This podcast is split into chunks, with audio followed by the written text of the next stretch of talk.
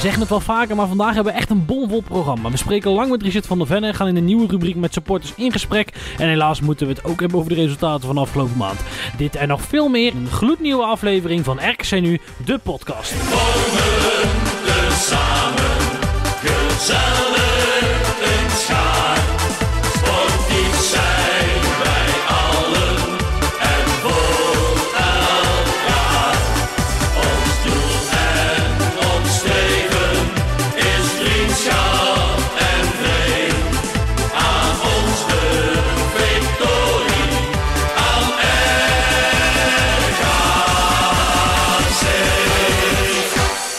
Ja, en nogmaals welkom eh, in, de, in de Langstraat eh, studio. Ehm Bram, hoe is het ermee? Ja, goed. Welkom allemaal. Welkom luisteraars thuis. Ja. Nee, het, eh, het gaat prima. We zitten vandaag een klein clubje, Lucas. Ja, Timmeke die zit thuis. En eh, ja, goed, eh, die voelt zich niet lekker genoeg om ook te, te joinen. Dus ja, dan, eh, dan moeten wij daar onze flexibiliteit tijd op, toe, op loslaten. Maar dat, dat komt helemaal goed, jongens. We gaan er het beste van, van maken. Twee korte nieuwtjes doen we gauw aan het begin. Onze Hannes is vandaag gedebuteerd. gisteren, sorry, gisteren gedebuteerd in het eerste van de Rode Duivels. Ja, wie had dat ooit kunnen denken zo snel hoor. Heb je die foto gezien op Twitter, zag ik er voorbij komen, dat Jan Vertongen werd vervangen door Hannes. De twee, eh, nou ja, eigenlijk linksbenige centrale verdedigers die beide op huurbasis in Waalwijk hebben gevoetbald. Dus dat was een mooi symbolisch eh, moment. Ja, en het Brabants, eh, het AD, ja, Brabants Dagblad AD, dat is ook hetzelfde. Die wisten vandaag te melden dat RKC tot twee keer toe een poging heeft ondernomen om, eh, om Hannes ook naar Waalwijk te halen. Ehm, ja, dat hadden wij ook al een beetje meegekregen links en rechts. Maar ja, onze Wilbert heeft opgeschreven. Eenmaal prima. Ja, jammer dat dat niet is geworden. Ja. Nou ja, goed, aan de andere kant, we zijn allemaal heel gek van, eh, van Touba. Ja, dat- ja, En, en die was waarschijnlijk niet gekomen op het moment dat we Hannes hadden gehad. Dus ja, in die zin heeft elk nadeel weer zijn voordeel, om maar een eh, bekende slogan te gebruiken. nee, dat klopt. En ehm, eh, ja, een ander klein nieuwtje is RKC heeft vanmiddag blijkbaar gevoetbald. Ja. Tegen FC Utrecht. Het werd 4-3. Ja, En hij heeft een bekende drie goals gemaakt. ja hoe vet hè? Ja, Ja, het is alsof de duvel ermee speelt. Hè? We hebben hem dinsdagavond mogen interviewen, Richard van der Venne. Daar waren we heel erg blij mee. En het was een hartstikke leuk interview, gaan jullie straks eh, horen. Maar ja, hoe vet is het als we het hebben over zijn eh, prestaties... en over de verwachtingen voor komend se- seizoen eigenlijk... eh, dat hij dan vandaag gelijk drie keer scoort. Ik weet niet, Richard, je luistert waarschijnlijk. ik weet niet of het de bedoeling was om het tot nu te plannen... maar fantastisch dat je het vandaag gedaan hebt. Daar zijn we heel trots op. Ja, daarmee is het eigenlijk een perfect bruggetje waarmee we het eerste grote interview gaan starten. Inderdaad, afgelopen dinsdag spraken wij Richard van der Venne. En, en dat ging als volgt. We hebben vanavond een, eh, een hele mooie gast in ons, eh, in ons midden in de podcast. Het is een, een voetballer die eh, sinds een, een half jaar, drie kwart jaar op de Waalwijkse velden rondloopt. Een geboren Brabander in hart en nieren die eerst in Deventer heeft, heeft gevoetbald voordat hij naar ons kwam. Daar een prachtige wedstrijd heeft mogen spelen. Een finale van de play-off tegen wat nu blijkt zijn, zijn nieuwe club te zijn geweest. En we zijn blij dat we vanavond Richard van der Ven in ons midden hebben. Richard, van harte welkom. Yes, goedenavond. Goedenavond. Richard, ehm, voor de supporters, eh, ja, je bent een beetje in een periode binnengekomen dat, eh, waar ook nou ja, best wel heftig was. Hè. Het was natuurlijk in de winterstop, we hebben maar een paar wedstrijden gehad en toen kwam eh, eigenlijk corona erin. Ja, Ehm, zou je jezelf willen voorstellen aan de supporters? Wie ben je? Ehm, nou ja, hoe, hoe sta je in het leven? Hoe ziet je privé er een beetje uit? Ja, ik ben Richard van der Venne, zoals jullie weten. eh, 28 jaar inmiddels. Ik heb eh, een vrouwtje en een kleine, Kai en Carmen. Ehm, er komt nog een tweede kleine op komst. Eh, die is in mei, komt die als het goed is. Ehm, ja, verder wil ik me omschrijven als een, eh, een familiemens. eh, die goed voor zijn naasten wil zorgen. Ehm, eh, ook vooral een harde werker, denk ik. En iemand die blij is met, met wat hij heeft. En ja, verder eigenlijk mm, ja, niks, niks bijzonders eigenlijk. Gewoon, eh, gewoon een normaal persoon.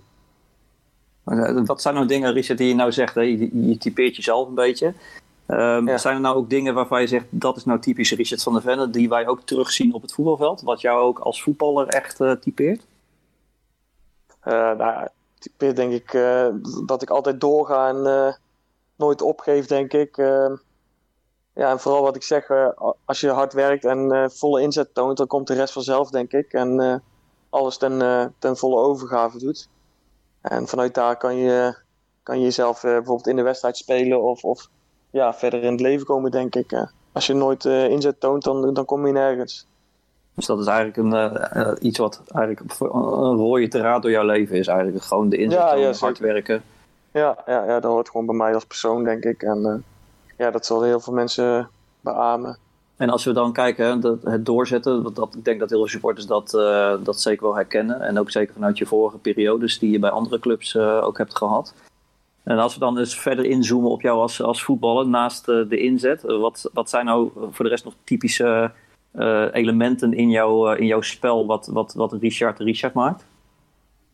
Ja, ik denk dat het vooral mijn diepgang is op dit moment. Normaal zou ik ook zeggen scorend vermogen en, en eh, ja, iemand voor de goal zetten. Alleen eh, dat is tot op heden nog niet, eh, nog niet gelukt bij, eh, bij RKC. Ehm, dat kan, al, dat kan veel beter. Eh, maar ja, het is, het is vooral zeg maar, het, aanvallende spel in de laatste ja, 30, 40 meter van de goal. Dat, ik denk dat ik daar, daar het belangrijkste ben en dat daar mijn kwaliteiten liggen. En daarom heeft RKC mij toen de tijd ook gekocht. Ehm, omdat, ze, omdat dat ontbrak in hun selectie. En ja, ja dat, dat, daar was ik het wel mee eens op dat moment. Dus vandaar dat ik toch eh, de sprong heb gemaakt naar RKC. En ehm, tot op heden geen, geen spijt van heb gehad. En als je ehm, kijkt, hè, de, de huidige opstelling van eh, Fred Grim, die staat redelijk eh, stabiel, lijkt het op dit moment.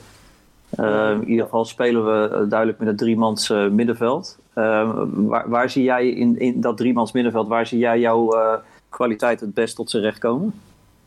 Ja, ik speel als ik op dit moment speel, speel ik op 10. ehm, ik vind dat ik zelf ook op 8 kan spelen. Daar heb ik bij Go Ahead ook gespeeld. En ehm, ja, ik denk dat een, eh, een bijvoorbeeld een, een, wat aan- aanvallend ingesteldere speler eh, bij de tegenstander, die let toch minder op de, ja, op de middenvelden, zeg maar, als, als dat de nummer 6 van de tegenstander doet.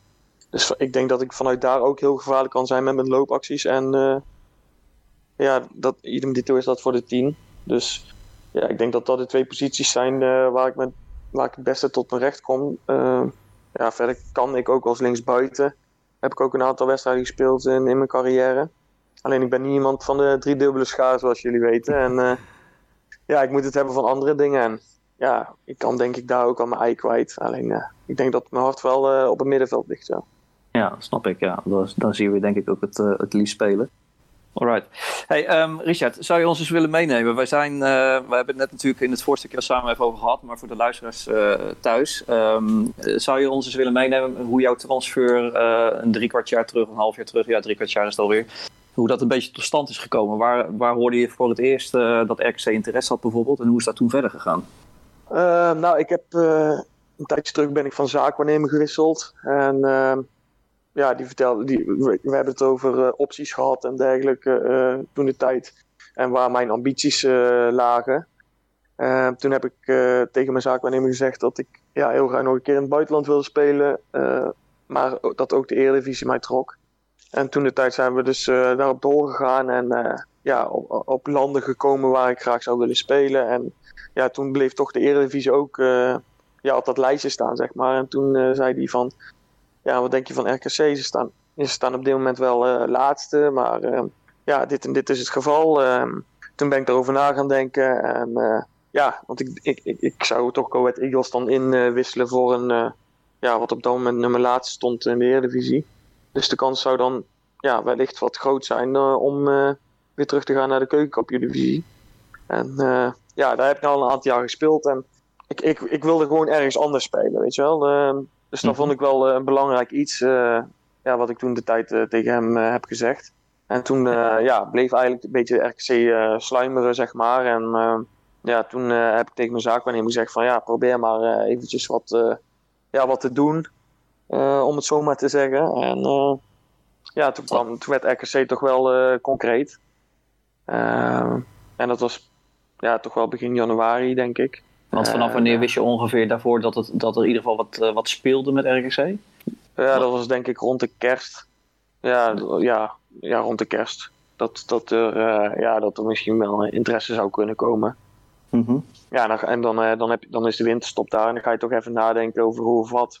Dan ga je de plussen tegen de minnen natuurlijk afstrepen. En, ja, uiteindelijk kwamen er toch wel wat meer plusjes dan minnetjes in voor, voor deze overstap. En ja, toen, eh, toen begon het hele circus, zeg maar. Ja, het is natuurlijk achteraf ook wel super toevallig dat het precies de club is waar je natuurlijk die, die bizarre wedstrijd nog niet zo heel lang daarvoor nog tegen gespeeld had. Ja, klopt. Ja. Dat was, eh, die zat nog vers in mijn geheugen, kan ik je vertellen. En eh, ik heb er een hele hoop slapeloze nachten van gehad. Van die wedstrijd.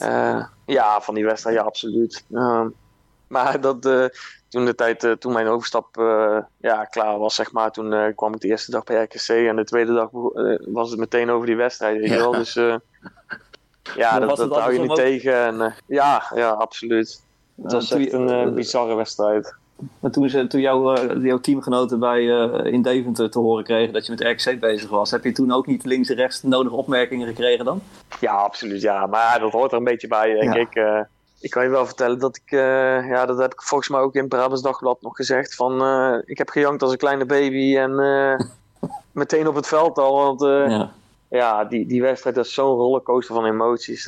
Ik denk dat niemand ooit meer zo'n wedstrijd gaat meemaken. Ook ja, van, van beide kanten eigenlijk. En ja, Maar wat herinner je je Ja, nou nog echt? Jij, jij, kijk, wij zitten er allemaal middenin als supporter. Wij, wij beleven Mhm. het natuurlijk vanuit onze manier. Maar jij bent echt een van de hoofdrolspelers die daadwerkelijk op dat veld gestaan heeft. En echt dat als speler heeft meegemaakt. Wat, wat herinner je je nou eigenlijk nog van zo'n wedstrijd nu terug?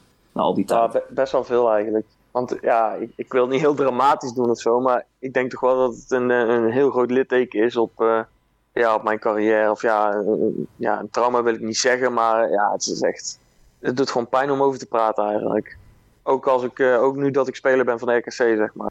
Het is Mhm. echt, eh, ja, ik, word er ook een beetje stil van als ik, eh, ja, als ik mezelf zo eh, op de bank zie zitten nu op dit moment. Dan denk ik echt bij mij eigen van, eh, hou er alsjeblieft over op. Want ja, die, die wedstrijd doet me echt pijn. Ja. Ook al Ja, is het heel dubbel omdat ik nu dus bij RKC speel. Maar die wedstrijd beleef ik ook echt als go-ahead speler, weet je wel. Het is niet zo Ja. dat ik nu denk van, oh ja, ik speel bij RKC, dus het is allemaal goed zo. Nee, ja, het is wel heel, heel bizar eigenlijk, ja. Ja, nou, het mooie daaraan is, moet je maar denken, het is, het is een wedstrijd die zo eh, absurd was dat, dat je toch, toch een hoofdrolspeler bent geweest in een wedstrijd die waarschijnlijk over tien jaar nog heel veel mensen herinnerd wordt. Ja, ja. Helaas dan eh, op dat moment met een negatieve uitslag, maar het lijkt me toch best bijzonder dat je er toch bij bent geweest. Dat. Ja, absoluut. Ja, ja, ja, ja. Kijk, eh Go Ahead was zo dichtbij. En ja, die, deze uitslag heeft gewoon heel mijn leven anders gemaakt, zeg maar, van de wedstrijd. Ja. Zo, zo, zo kan ik het eigenlijk wel vertellen. Ja. Dus, Ja, waren, zij, waren jullie gepromoveerd destijds, dan had je misschien nog wel daar rondgelopen natuurlijk. ja, ja, ja dat, dat, daar komen we nooit achter, helaas. Nee, nee snap ik. Dus eh, Hey, hadden jullie, want eh, los van de wedstrijd zelf, en dan zou ik over die wedstrijd ophouden, want ik, ik hoor je emotie. Ehm, maar los van die wedstrijd ja, zelf, sorry. die, eh, nee, dat is alleen maar mooi om te zien. Want dat, dat, dat, ik denk dat het weer past bij wat je net al zei. Dat je gewoon 100% Ja. inzet hebt, je helemaal inleeft in de club, in de wedstrijd. En ja, dan komen dit soort dingen hard aan. Dat hebben wij als supporters natuurlijk ook, als het, Ja. als het tegen zit op zo'n moment. Hey, maar er, was natuurlijk een heel tragisch ongeval eh, tijdens de rust bij, eh, bij RKC met de clubarts. Ehm, Ja, klopt, klopt. he- hebben jullie als speler van Go Ahead Eagles daar überhaupt nog iets van meegekregen? Nee. Nee, wij waren helemaal eh, in een hele mini, mini, mini bubbel. Wij mochten eigenlijk helemaal niks weten. Ja, we maken natuurlijk net voor, eh, voor rust 2-1. En ja, dan wordt er van alles in, in de kleedkamer geroepen. Weet je wel, iedereen staat met schuim op de bek, zeg maar, richting de tweede helft ja, te moeten spelen. En eh, ja, dan wordt er eigenlijk verteld van, eh, ja, er is iets gebeurd. En de wedstrijd wordt eh, ja, iets verlaat. Nou ja, dan... eh, en er mocht niet, niks verteld worden. Alleen we zagen wel dat volgens mij onze dokter of zo, die, die ging er ook heen of zo. Zoiets was het, geloof ik. Ehm, ja, toen de tijd wist, wist helemaal niemand eigenlijk daar iets van af, wat ik al zei. En ja, dat hoorden we eigenlijk allemaal na de wedstrijd pas. Ja. Dus ehm, ja, het was, het, was, ja, het was echt heel heftig eh, om dat ook te horen. En, eh, maar ja, zoals ik al zei, daar wisten wij niks van. Nee, ja, dat maakt de, aan de Waalwijkse kant de rollercoaster die het al was eigenlijk, eigenlijk nog Ja. bizarder. hè, Met zo'n verhaal. Ja, heel, eh, ja, daar heb ik dus ook verhalen over gehoord. Hoe het, hoe het er in de kleedkamer aan toe ging in de rust. En ja, dat zou ik, zou ik niemand willen. Ja, dat zou ik niet graag willen meemaken, zou ik het zo zeggen. Nou, ik schat je in als een emotionele jongen als ik je verhaal zo hoor. Klopt dat? Ja, ja, dat ben ik wel, ja. ja. Ja, dan denk ik Wel, dat zoiets bij jou misschien nog wel harder binnenkomt dan bij een type die daar wat, eh, die wat Ja. makkelijker zeg maar Ja, dat denk ik. Ja. Wat dat betreft eh, ja, kan ik daar niet zo goed tegen, denk ik. Eh, en is bij mij in en al emotie. ja, dat kan heel positief zijn natuurlijk, maar het kan ook wel eens negatief zijn. En ik denk dat zoiets in, een- in een rust van een, ja, misschien wel de bela- belangrijkste wedstrijd van je leven. Ja, dat kan, dat kan twee kanten op gaan bij mij, zeg maar. Ja, ik ben blij dat ik daar op dat moment niet in zat. Hey, eh, Richard, jij bent ooit, eh, was je klein, eh, ben je geboren, ben je een paar jaar ouder geworden, ben je op het idee gekomen om voetbalschoentjes aan te trekken en richting een voetbalveld te gaan fietsen of, of gebracht te worden. Eh, Mhm. Wil je ons eens meenemen in hoe, in hoe eigenlijk jouw voetbalcarrière vanaf het helemaal begin tot, tot RKC Waalwijk een beetje verlopen is?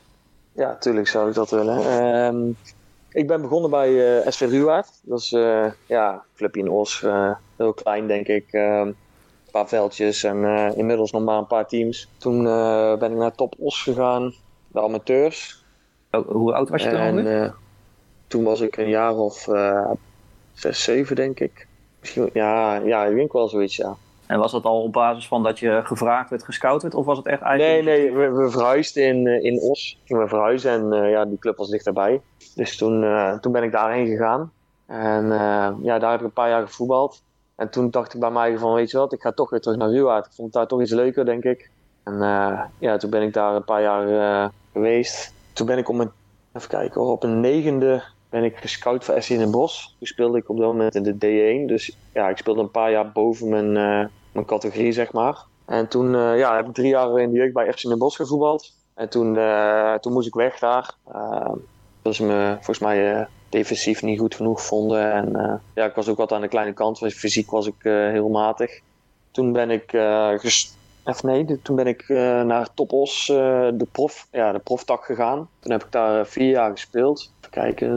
Nou, ik- Richard, hoe gaat dat zoiets? Je gaat weg bij een bos. Nou, De bos-os, eh, dat is natuurlijk... eh, dat zijn natuurlijk de twee rivalen. Hè? Volgens mij Ja, eh, klopt, had je laatst bij de wedstrijd eh Os Den Bos... was je ook nog aan het twitteren van Ja, klopt, en, ja. eh, en dat gaat waarschijnlijk nooit meer uit. En maar Nee, hoe, hoe ben je toen van Den Bos teruggegaan naar Os? Was dat ook, ook op basis dat je gevraagd werd vanuit Os... nou kom dan maar hier? Of heb je toen jezelf Ja, ik heb- eh? Ik, ja, dat is eigenlijk, ja, volgens mij is het toen zo gegaan dat ik gewoon, eh, ja, volgens mij heeft mijn, mijn pa zelfs gebeld van, eh, kan hij een keer komen proeftrainen? En eh, ja, toen de tijd was dat gewoon eh, goed bevallen en eh, ja, mocht ik daarheen. Ja, toen zat je weer dichter bij huis, dat is ook wel lekker. Ja, toen zat ik eh, veel dichter bij huis, inderdaad. Ehm, en toen, ging, toen, ja, toen zat ik op de middelbare en toen eh, mocht ik eh schoolgedeelte skippen om, om, om te gaan trainen. Dus dat vond ik ook niet erg op dat moment. Dat snap ik. En ja, toen, toen, eh, toen ben ik volgens mij in de B-jeugd ben ik gestopt met voetballen. Want ik had er helemaal geen zin meer in. Ehm, toen heb ik volgens mij, ik heb heel de B-jeugd overgeslagen. Dus ja, ik heb twee jaar heb ik, heb ik niks gedaan, heb ik geen voetbal gespeeld. En, Ja, ehm, Waarom had je geen zin meer in dan? Dat is best opmerkelijk. ja, als ik, je toch... ik, ik, ja, ik stond, eh, zeg maar, bij top was het zo dat, dat er een eh, eerstejaars en tweedejaars eh, bij elkaar in de, in, de, in de, bijvoorbeeld in de C1 zaten, weet je wel. En dan na een jaar gingen de tweedejaars C, die gingen dan naar de B. En dan, zo werd dat een beetje verschoven elke keer. Maar er was maar één selectie. En eh, toen heb ik eigenlijk anderhalf jaar non-stop op de bank gezeten op dat moment. Ja, en toen dacht ik bij mij van, nou ben ik er klaar mee. Ik heb helemaal geen plezier meer. eh, ik vond het gewoon niet meer leuk. Toen zei, ja, daar heb ik daar met thuis, eh, thuis heb ik erover gepraat. En eh, ja, toen zei ze van, ja, wat doe je daar nog, weet je wel. Stop er dan gewoon lekker mee. En eh, ja, ga kijken wat je leuk vindt, weet je wel. Mhm. Dus toen, eh, toen ben ik gestopt met voetballen. En toen eh, twee jaartjes. Toen eh, heb ik bij mijn oom, die was toen de tijd trainer bij Margriet. Nee, bij Als 20. Ja, ben ik een beetje met hem mee gaan huppelen. En toen begon het op een gegeven moment toch te kriebelen. Toen ben ik in de A-jeugd weer gaan voetballen met een, eh, een vriend van mij bij Bergum Sport. Dat is in een dorpje langs, eh, langs Os. En toen de tijd, eh, ja, toen was ik eerstejaars A-junior. Toen heb ik een half jaar in de A1 gespeeld. En toen mocht ik eh, ja, samen met die maat van mij eh om de beurt mee met het eerste. Dus toen speelden we op zaterdag een wedstrijd en op zondag eh, mochten we ook mee met één. En welk niveau was En dat? dat was op dat moment derde klasse. Zaad oh, zondag. Zondag, ja, ja zondag. En toen heb ik eh, aangegeven bij, het, bij, ja, bij Bergen Sport in de tijd van... Ik wil volgend jaar als tweedejaars A-junior naar, naar het eerste elftal. En eh, ja, als dat niet het geval is, eh, ja, dan, dan ga, ik, ga ik een andere club zoeken. Want ik voel dat ik, ja, dat ik niet heel leer. Bij, bij, bij, bij A1 van Bergen Sport. En ja, dat duurde zo lang het antwoord en eh, ze twijfelden zo erg, want het was voorheen eh, verkeerd gegaan zeg maar, met de ontwikkeling van andere A1-spelers die ze dus wel een jaar lieten overslaan. En toen, eh, toen heb ik het heft zelf in handen genomen en gezegd van weet je wat, dan ga ik naar een andere club. Toen ben ik naar Dezo gegaan. Dezo van der Horst, die speelde op dat moment vierde klasse. Maar daar kon ik wel in de eerste elftal spelen. Ja, toen heb ik daar drie jaar gevoetbald. En drie jaar prij kampioen geworden. Ja, dan ben je toen, eh, 18 tot 21 of zo, 17 tot 20, een beetje rond die koers. Ja, 17, 17 jaar, want ik ging met scooter. ja, 17 jaar. 17 tot met 20. Nou, op je, op je, want je zegt drie keer gepro of kampioen worden, drie keer gepromoveerd. Dus je bent uiteindelijk eh, op je twintigste speelde je tweede klas. Ja. Ja, en toen zijn we ongeslagen kampioen geworden ja, in de tweede klasse. En ehm, ja, dat was echt eh, ja, dat was echt een heel klein clubje. maar super gezellig, weet je wel. Al die, ja, er waren allemaal jongere gasten die toch wel op een behoorlijk niveau hebben gespeeld. Ook bij, de, bij Top Os eh, op dat moment. eh, ja, er was gewoon een soort van vriendenteam aan het horen. En daar kwam ik dan als jonkie bij. Dus ik zat heel, altijd heel rustig in een hoekje in de kleedkamer te wachten tot we mochten trainen. En iedereen had daar altijd een grote bek, weet je wel. Dus eh, ik was altijd heel, heel stil. En ja, dat was echt... eh, als ik er nu aan terugdenk, is het heel grappig. Maar eh, ja, ik, ik- ze lieten me wel in mijn waarde. En eh, als je het op het veld laat zien, weet je wel, dan, dan respecteren ze je wel. Ook al Ja. heel stil en dergelijke. Dat was wel een heel mooie tijd. Ja, toen ben ik dus naar Os 20 gegaan. En daar heb ik, ja, daar heb ik drie jaar gespeeld, volgens mij ook. Want waar spelen die, eh, Richard, dat, toen de tijd? op dit moment, ja, toen de tijd speelde ze in de eerste klasse. En toen zijn we via de na-competitie gepromoveerd naar de hoofdklasse. Op, op penalties. Ja, dat was echt, ja, dat was zo spannend. Dat is ook een wedstrijd die je nooit meer vergeet waarschijnlijk. Ja, dat moment was ook wel echt, eh, ja, dat was echt fantastisch. Als je, als je zeg maar, vanuit de na-competitie de eerste ronde doorstroomt helemaal naar de finale en dan eh, tegen een hoofdklasse moet spelen die zogenaamd veel beter zou moeten zijn, maar dat, ja, dat waren, we waren minimaal gelijkwaardig. Eh, toen de tijd was nog een doelpunt afgekut van ons, van ons in de verlenging, terwijl die letterlijk gewoon een meter over de achterlijn was, over, over, de, over de doellijn. Doellijn, ja. Ja, die was gewoon niet eh, toegekend, zeg maar. En die staat gewoon op foto zelfs. Ja, dat, dat, en als je dan met penalties wint, ja, dan, dan is dat wel een gevoel van gerechtigheid, weet je wel. Dus dat was, Ja. echt, eh, ja, dat was echt een super tijd. En toen hebben we de hoofdklasse gespeeld. Ja, twee jaar heb ik daar gespeeld. Twee jaar ook eh, eh, na competitie gehaald. Beide niet, eh, beide niet eh, eh, ja, gepromoveerd. Dat was wel in de tijd van de, de derde divisie al, hè? Nee, er was nog topklasse. Oh, to, oh topklas toen, ja. Dat zat Ja, ervoor ja, nog, ja. ja. Oh ja. Ja. ja. Toen, eh, toen zou ik eigenlijk naar OEC Rosmalen gaan, eh, vanuit Oost 20. Alleen, eh, ja, toen is het eh, via de na-competitie eh,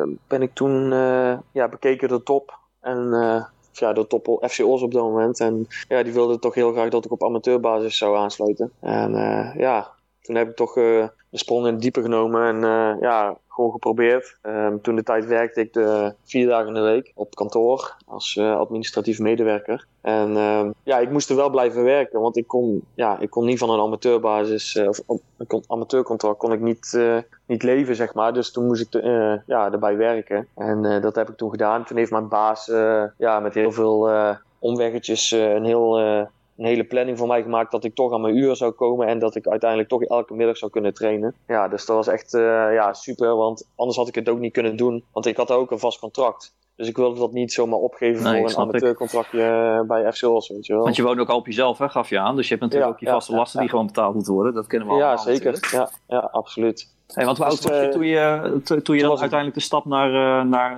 FC Os toe maakte? En, Toen was en- ik en die amateur? 23. 23. Ja, Ja, toen- 23 was ik toen al, ja.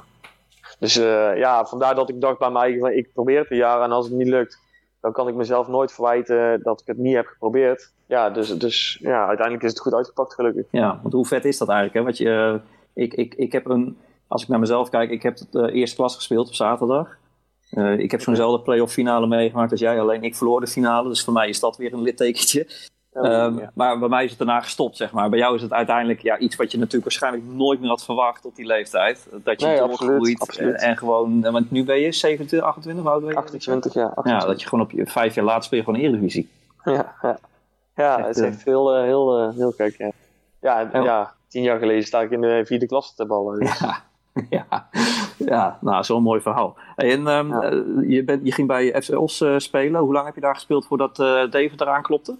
Eh, ik heb daar drie seizoenen gespeeld. Ja, het eerste jaar eh, ja, heb ik op amateurbasis gespeeld. En eh, toen moest ik dus elke ochtend werken. En op wedstrijddagen moest ik van 7 uur s ochtends tot 4 uur s middags werken. En daarna mocht ik dus nog een wedstrijdje bal in de avond. Maar als ik bijvoorbeeld dan uit naar Cambuur moest, dan, dan moest ik een paar snipperuren opnemen om, om, ja, te kunnen voetballen. Dus, Om de reistijd te hebben om erheen ja, te ja, kunnen. ja, ja, ja. Ja, dus als, je daar, als ik daarover nadenk, dan, dan schiet ik wel in de lach van ja, hoe, wat ik er eigenlijk voor heb om het te doen om, om hier te staan. Dat vind ik best wel, eh, ja, daar ben ik best wel trots op dat ik nou eh, in de Eredivisie voetbal en eh, bij Ja, terecht. Typeert ook wel weer wat je zei, hè? het harde werken en het inzet tonen. En, Ja, je moet het allemaal zelf doen. Dus iemand anders doet het niet voor je. Zo denk ik eigenlijk altijd. Ja, ja, maar zo is het. Hè? Want je hebt natuurlijk heel veel.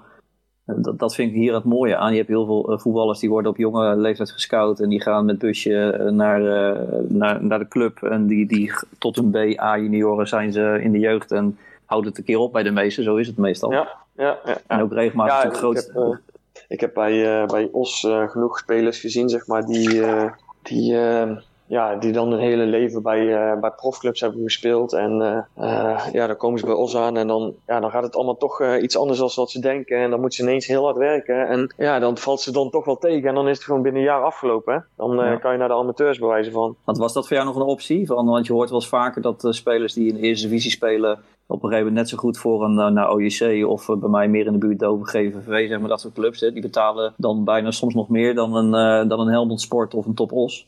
Zou dat nog een optie nou ja, zijn? Voor, voor mij was, nee, voor mij was geld op, zo- op dat moment absoluut geen drijfveer. Ja, anders had ik deze stap sowieso niet genomen. Want ja, bij OS 20 en bij, bij, eh, bij OEC kon ik, eh, ja, had ik gewoon wat meer eh, in mijn zak als, als bij FC Os. Dus nee, wat dat betreft, nee, mijn droom was, was vroeger altijd profvoetballer. En ja, door FC Os heb ik deze droom waar kunnen maken. En daardoor blijf ik ook altijd hard werken en, en, en dankbaar voor, voor, ja, voor wat ik ben. Want als ik een keer geen zin heb om te trainen, dan denk ik bij mij van, hey, doe eens even normaal. De, de, je kan ook gewoon nou naar kantoor eh, moeten om, eh, om eh, acht uur 's ochtends. Dus volgens mij moet je gewoon heel dankbaar zijn dat je, dat je dit vak beoefent en, en gewoon keihard werken. Ja, ik, ik denk ook, eh, Richard, dat was een van de redenen ook waarom we jou wilden, graag willen uitnodigen voor deze podcast. Ehm, ja, eigenlijk dit Ja, wat je was ik wel benieuwd naar. Ja. Ja, Ja. Nou ja, eigenlijk Zo, gewoon dit. eh, eh, we vonden het eh, aan de ene kant eh, jammer door, door die rare periode van... eh, je, je komt in de winterstop, wat natuurlijk al anders is. Je was ook niet de enige die kwam. Er waren er meerdere die kwamen, waardoor de, de aandacht Mhm. ook verdeeld werd over meerdere spelers. Eh, volgens mij hebben we zeven wedstrijden na de winterstop gespeeld. Toen kwam corona. Ja. Eh, dus het is allemaal een beetje geruisloos eh, gegaan. En ehm, ik weet eh, vanuit betrouwbare bronnen uit de Deventers... eh, hoe gek en idolaat eh, men daar met jou was. Ik vond het zelf heel mooi, dat hebben we ook eh, in onze podcast toen gezegd toen jij kwam. De type voetballer wat je bent, eh, dat past denk ik heel goed eh, bij, bij RKC. Eh, dit verhaal wat je nu nog meer hebt uitgelegd dan wat we al wisten over jouw verloop van de carrière, dat is ook gewoon fantastisch om te horen hoe, hoe, je, hoe ver je kan komen met hard werken. Ik denk dat dat een voorbeeld Ja, voor iedereen ja, is, ja. niet alleen in het voetbal, maar ook in de maatschappij. En je bent natuurlijk, dat vond ik ook heel mooi, je bent gewoon een echte Brabander die, die gewoon in, in, het Waalwijks, eh, in het Waalwijkse komt spelen. En, dat, en dat is ook gewoon iemand van dichtbij. Dat heeft toch altijd weer iets extra's dan als het van veraf is. Ja, weet je Dus- wat het ook is? Eh, eh, Soms dan zie ik in de voetbalwereld ook, ja, dat wil ik niet heel negatief doen, maar dan denk ik bij mij van, doe maar gewoon normaal, want je bent maar een voetballer, weet je wel. Je bent niks meer eh, of niks minder als, als een andere persoon en ja, ik, ik kan daar niet zoveel mee, weet je wel, met een andere persoon die, die zo is. Ik- doe maar gewoon normaal en dan doe je al gek genoeg. Dat is in ieder geval altijd mijn gedachte en daarmee kom je het verst, denk ik. Ja, nou zeker. En ik denk ook, en dat is een van de redenen dat we je gevraagd hebben. Ik denk dat heel veel eh, RKC-supporters ook die mentaliteit hebben. Dat het ook echt past bij Waalwijk en omgeving. En dat eigenlijk die klik tussen jou en de omgeving en de supporters daardoor eigenlijk heel groot, eh, heel groot is. Dus eh, goed voor iedereen om te weten hoe, hoe Richard is. Hey, ehm, ik weet dat er straks mensen zijn vanuit Deventer die dit gaan luisteren. Die hierop zitten te wachten, die heel nieuwsgierig zijn. Ehm, zou jij eens in het kort willen vertellen hoe je jouw periode in Deventer hebt, eh, ervaren? Eh, ik denk dat woorden tekort schieten daarvoor. Ik denk, ja, Go Ahead is echt een fantastische club. En eh, ik heb toen de tijd ook echt aangegeven dat ik het echt super moeilijk vond om, om Go Ahead te verlaten. Ja, ik denk dat ik wel een speciale band had met, met, ja, met de supporters. Ik werd toegezongen en, en, en ja, ik, heb, ik krijg altijd zoveel berichten van, eh, van Go Ahead supporters. Ook eh, nu dat ik nog bij RKC speel, eh, ja, sturen mensen mij nog steeds berichten. Dus dat zegt eigenlijk al genoeg hoeveel, ja, hoeveel ze om mij gaven als, als speler, maar ook gewoon als mens. dat ik daar gewoon, ja, gewoon gewa- gewaardeerd werd. En ja, toen de tijd toen ik wegging, toen heb ik zoveel ja, berichten gehad die, die alleen maar positief waren. En, en eentje was eigenlijk ehm, dat, dat als iemand, ja, één iemand die stuurde naar mij van, eh, normaal gesproken als iemand in de winter per se wil vertrekken, dan, ja, dan wordt hij gewoon helemaal zwart gemaakt op social media. En ja, is, is de hele Go Ahead Eagles supporter zijnde gewoon klaar met je. En, en bij mij werd dat gewoon echt gegund. En ehm, ja, iedereen die, ja, die gunde mij die stap echt van harte. En was blij voor mij dat ik de stap kon maken. Eh, eh, ook omdat ja, heel veel supporters wisten hoe ik eh, na, na die wedstrijd tegen, tegen RKC aan toe was. Ik, ik was ja, in die zomer echt een wrak. Ik heb echt zoveel moeite gehad met die wedstrijd. En eerste training dat ik weer eh, ja, bij Go Ahead was en de eerste keer dat ik in het stadion wa- was überhaupt, ja, toen werd ik gewoon misselijk, zeg maar. Zo, zo emotioneel zat ik daarmee. En ja, ik, ik heb echt alleen maar liefde voor, voor Go Ahead en eh, dat zal echt nooit verdwijnen. En eh, ja, club is, eh, ja, is echt niet normaal eigenlijk. Het is- een, ik, ik ben er regelmatig geweest. Ik heb in jouw periode ben ik er ook regelmatig geweest. Een goede bekende van mij zit daar veel op de perstribune. En daar heb ik een aantal keer bij mogen zitten. Ook eh, na de wedstrijd bij interviews eh, waar jij ook in de buurt stond. Ehm, Richard, ga even goed zitten. Wij hebben heel toevallig eh, een bericht ontvangen vanuit mijn, eh, mijn maatje in, in Deventer, eh, Erik. Die je waarschijnlijk wel kent, die je vaak geïnterviewd Ah ja, ja, tuurlijk, ja zeker. En we hebben een berichtje ontvangen en dat willen we jou heel graag eh, even laten horen. Van de verder naar de buitenkant krijgt de bal mee. Komt hij dan schieten? Nee, voor zijn linkerbeen van de verder. Hoi Richard. Ja, je hoort het al hè, terug in de tijd. En met warme gevoelens door Richard. Verheid even moeite en ruzie met de bal. Ja, ik zag dat de afvallende bal op Baxi kwam en eh, ik zei tegen Baxi van ik ben er. Ik weet wel zeker dat hij me heeft gezien. Komt op me afstorm en eh, hij ging volgens mij al redelijk snel liggen. En dan, ja, dat hij dan eh, zo eroverheen valt, dat is natuurlijk een, een droomdoelpunt. Mooie tijden meegemaakt met jou. Mooie tijden ook voor de club. Mooie tijden met de fans.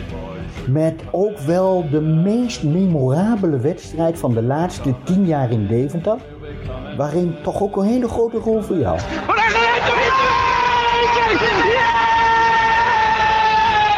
Het is 2-2 geworden in de Adelaarsrust. 10 minuten na de rust. Een schot van Richard van der Venne. Van... En toevallig of niet, dat duel juist tegen jouw huidige club.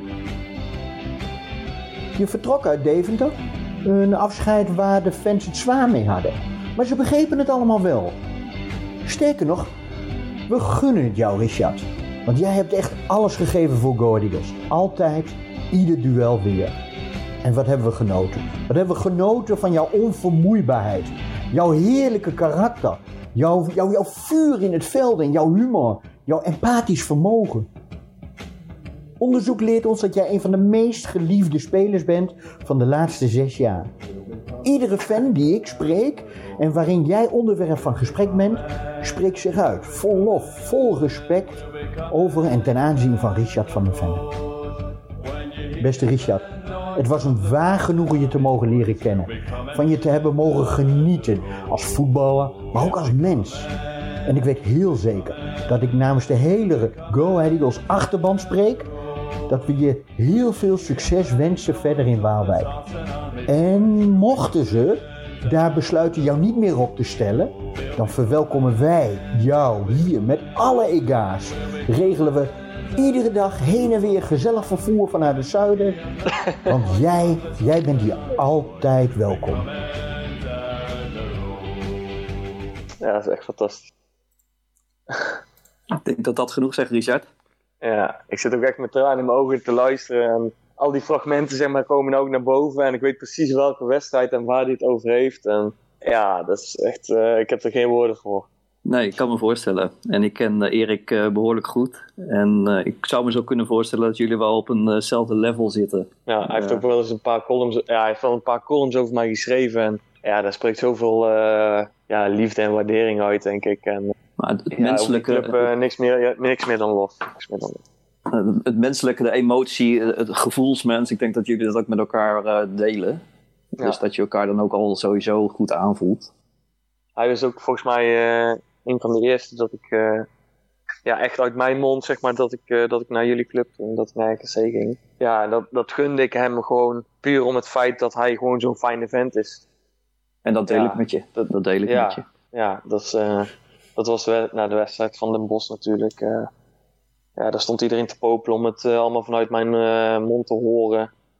Toen heb ik altijd heel oppervlakkig gehouden, maar bij hem liep ik helemaal leeg. Ja, het is echt een fijne man. Ja, zeker.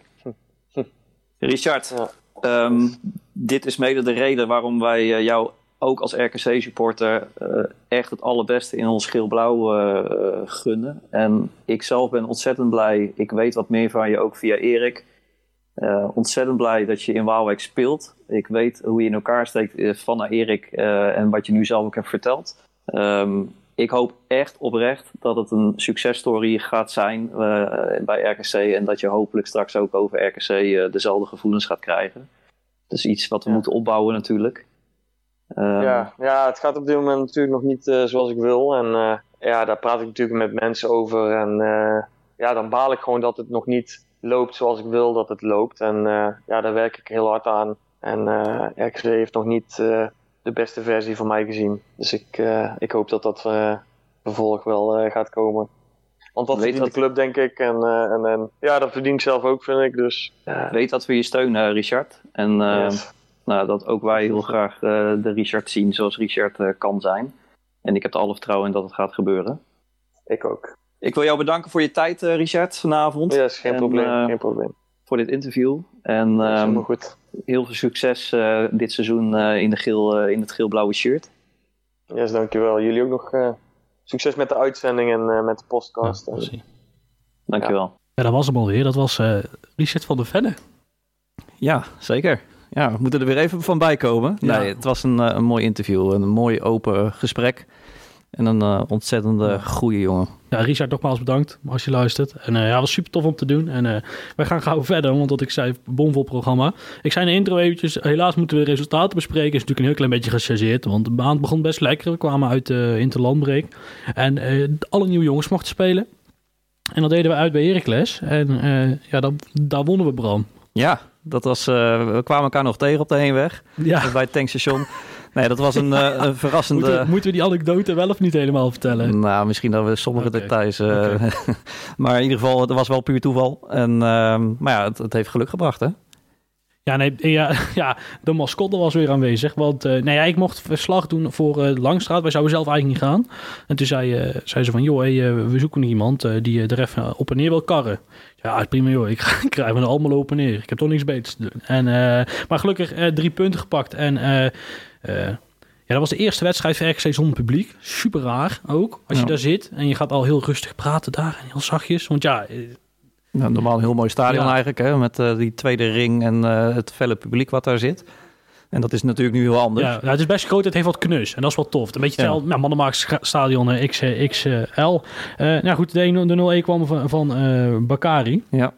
Ehm, eh, ja, Fruts goal. Maar goed, laten we het daar gauw, eh, gauw bij laten. Eh, we gaan even de pack toe. En eh, daar was ik aanwezig achteraf. En toen sprak ik met, eh, met Melle en Clint Leemans. Hey, Lennart, opnieuw een invalbeurt, opnieuw een punt. Ja, klopt zo, maar het moest Oh. eigenlijk drie zijn. Eigenlijk drie. Ja. Ja, dat ben ik met je eens. Hoe vond je het gaan? Ja, het was vooral veel verdediging, denk ik. Mij persoonlijk. Alleen ja, het is wel lekker dat je weer minuten maakt. Ja, zeker. Tweede jaar bij de club. Ja. Dit jaar meer invalbeurten dan vorig jaar, meer minuten. Ja. Ook meer punten. Ja. Waar denk, je dat, eh, denk je dat het puur aan jou ligt? Of eh, wat denk je dat het verschil is ten opzichte van vorig eh, per se alleen aan mij. Ik denk dat we als groep veel verder zijn dan vorig jaar. En ja, dat zie je ook aan ons spel. En ja, vorig was het spel ook goed, alleen nu halen we gewoon meer punten. Ja, belangrijk. Dus, ja, het zijn gewoon belangrijke punten dit. Zeker. Elfde plek. Ehm, Ja, klopt, eh, dat weet ik niet. Nee, nou ja, in het begin zegt het ook niet zoveel natuurlijk. nee, Eh, maar het is wel fijn dat je... Verwacht je dat deze lijn zich door blijft trekken? Of, eh, en, en denk je dan dat, dat, je, eh, dat we dit jaar, dit seizoen, gemakkelijker boven die streep gaan eindigen? Ja, ik denk het wel. Gemakkelijk wil ik het niet noemen, maar ik denk dat onze kansen wel hoger zijn dan vorig jaar. Aangezien we nu al vijf punten hebben. En we zijn denk ik zes wedstrijden onderweg. Ja, En ja, ik weet niet hoeveel we de vorig jaar hadden, na tien wedstrijden, maar dat waren niet zoveel. Nee, nee. er waren er geen vijf, denk ik ik. zeg, het is alleen maar goed voor het vertrouwen ook. Ja, Dus eh, ja, ik hoop dat we dit... eh, en jij- heb jij zelf nog eh, persoonlijke doelen dit jaar buiten veel spelen? Dus ja, tuurlijk, ja, wat je zegt, ik wil gewoon veel spelen en eh, gewoon belangrijk zijn voor het team. Zoals de afgelopen eh, wedstrijd tegen PEC met een assist. En eh, ik hoop ja, nog meer assists en goals te, te maken dit seizoen. Gaat wel goed komen, denk ik, als je er doorgaat. Ja, denk het wel, ik hoop het. Super, dankjewel. Zul je net zien dat ik de verkeerde trekking staat natuurlijk. Want ik zei Melle en Clint, maar we kregen Daniel Storen naar Feyenoord. Ehm, eh, laten we die gauw even eh, eh, doen. Ehm, De thuiswedstrijd tegen Feyenoord? Of bedoel je de interviews? nee, eh, de thuiswedstrijd, thuiswedstrijd tegen Feyenoord, net als PEC, gelijkspel. Ja. Ehm, eh, ik denk wel dat ze tegen Feyenoord meer recht hadden op meer ten opzichte van PEC. Ja, kijk, bij PEC was je natuurlijk... eh, ik, ik vond het een dramatische wedstrijd tegen PEC. Ehm, het voetbal sowieso, als ik heel eerlijk mag zijn... vind ik dit seizoen echt best wel eh, dramatisch eigenlijk. Ehm, maar tegen eh, Feyenoord, ja, dat was de eerste helft ook echt niet best. Maar de tweede helft was natuurlijk misschien wel de beste helft van, van dit seizoen tot nu toe. eens. Ja, het is, het is natuurlijk heel anders. Hè. Bij PEC scoor je net voor tijd alsnog eh, gelijk, waardoor je een puntje pakt. Dus dan heb je toch zoiets, nou oké, prima, kunnen we mee leven. Ja, en tegen Feyenoord is het natuurlijk andersom. Hè. Dan kom je 10 minuten voor tijd op, eh, op 2-1 en dan ga je eigenlijk stiekem zitten aftellen. En dan duren die 10 minuten nog verrekte lang. Maar ja, dan is het ineens 6 minuten voor tijd eh, door een hele mooie goal. Hè. Dat is ook echt weer Ja. zo'n schot waarvan je denkt, ja shit, dat hij nou net op dit moment zo'n goal maakt. Ja, zonde, want eh, die wedstrijd hadden we echt, echt kunnen winnen. En die twee puntjes hadden we nu weer na afgelopen weekend extra hard kunnen gebruiken. Nee, klopt. En eh, eh, ja, ik vind het wel mooi eh, om heel een klein beetje onze tegenstander te be- beschouwen. Hè. Dat, dat Feyenoord dat wint, dat draait drie lekkere wedstrijden. Dan spelen ze gelijk in Waalwijk en dan is alles kloten daar. Dat Ja. vind ik echt geweldig. Ja, maar dat heb ik sowieso vaak hè, bij tegenstanders. Als ze tegen RKC punten laten liggen, dan is het altijd de Ja. wedstrijd van het seizoen geweest. En dan weet ik het allemaal niet. Dan ligt het altijd aan hun. En het heeft nooit te maken met de kwaliteit van, van ons. Maar ja, dat, dat, dat hoort blijkbaar bij, de, bij een kleine club als, als dat we zijn. Ik ga nou wel Melle en eh, K- Clint even instarten. dus we gaan nou wel voor de juiste, juiste, juiste track. Goede knetters. Melle, allereerst eh, de wedstrijd. Eh, eh, twee punten verloren, maar ik denk stiekem toch wel e- eentje gewonnen, toch? Ja, ik denk het wel als je 86 minuten speelt, je staat 1-0 achter en eh, ja, uiteindelijk weinig kans gecreëerd dat je 1-1 van het veld af mag, is wel, eh, ja, daar moet je wel blij mee zijn, denk ik. Ja, en wat, wat, wat heeft de trainer gezegd in de rust? Want na rust zag je duidelijk dat RKC dat, hè, dat we toch meer de, de, het eh, initiatief mee konden nemen.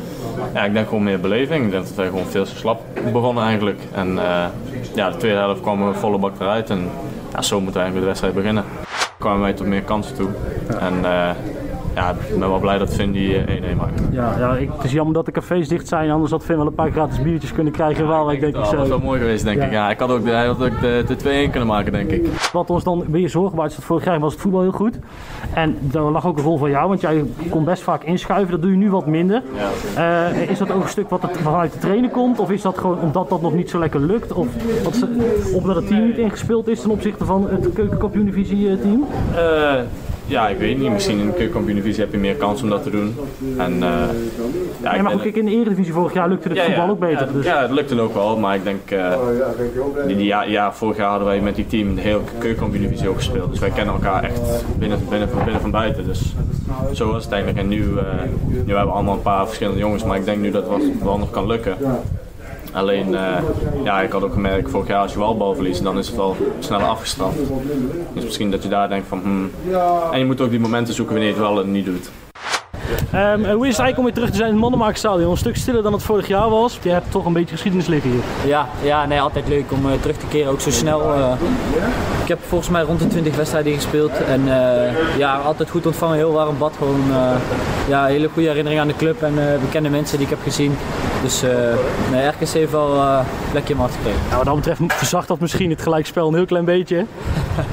Nee, nee, nee. Nee, eigenlijk niet. Maar hoe is het om als huurspeler bij, bij, bij, een club te spelen? Eh, je bent toch ook eh, gebruikt in een van de campagnes, dus als, als bekend gezicht voor het carnaval vorig jaar. Hoe, is dat als huurspeler? Nou, ik moet zeggen, ik voelde me gewoon eh, speler van RKC, of het nou huur is of eh, op, op contract. eh.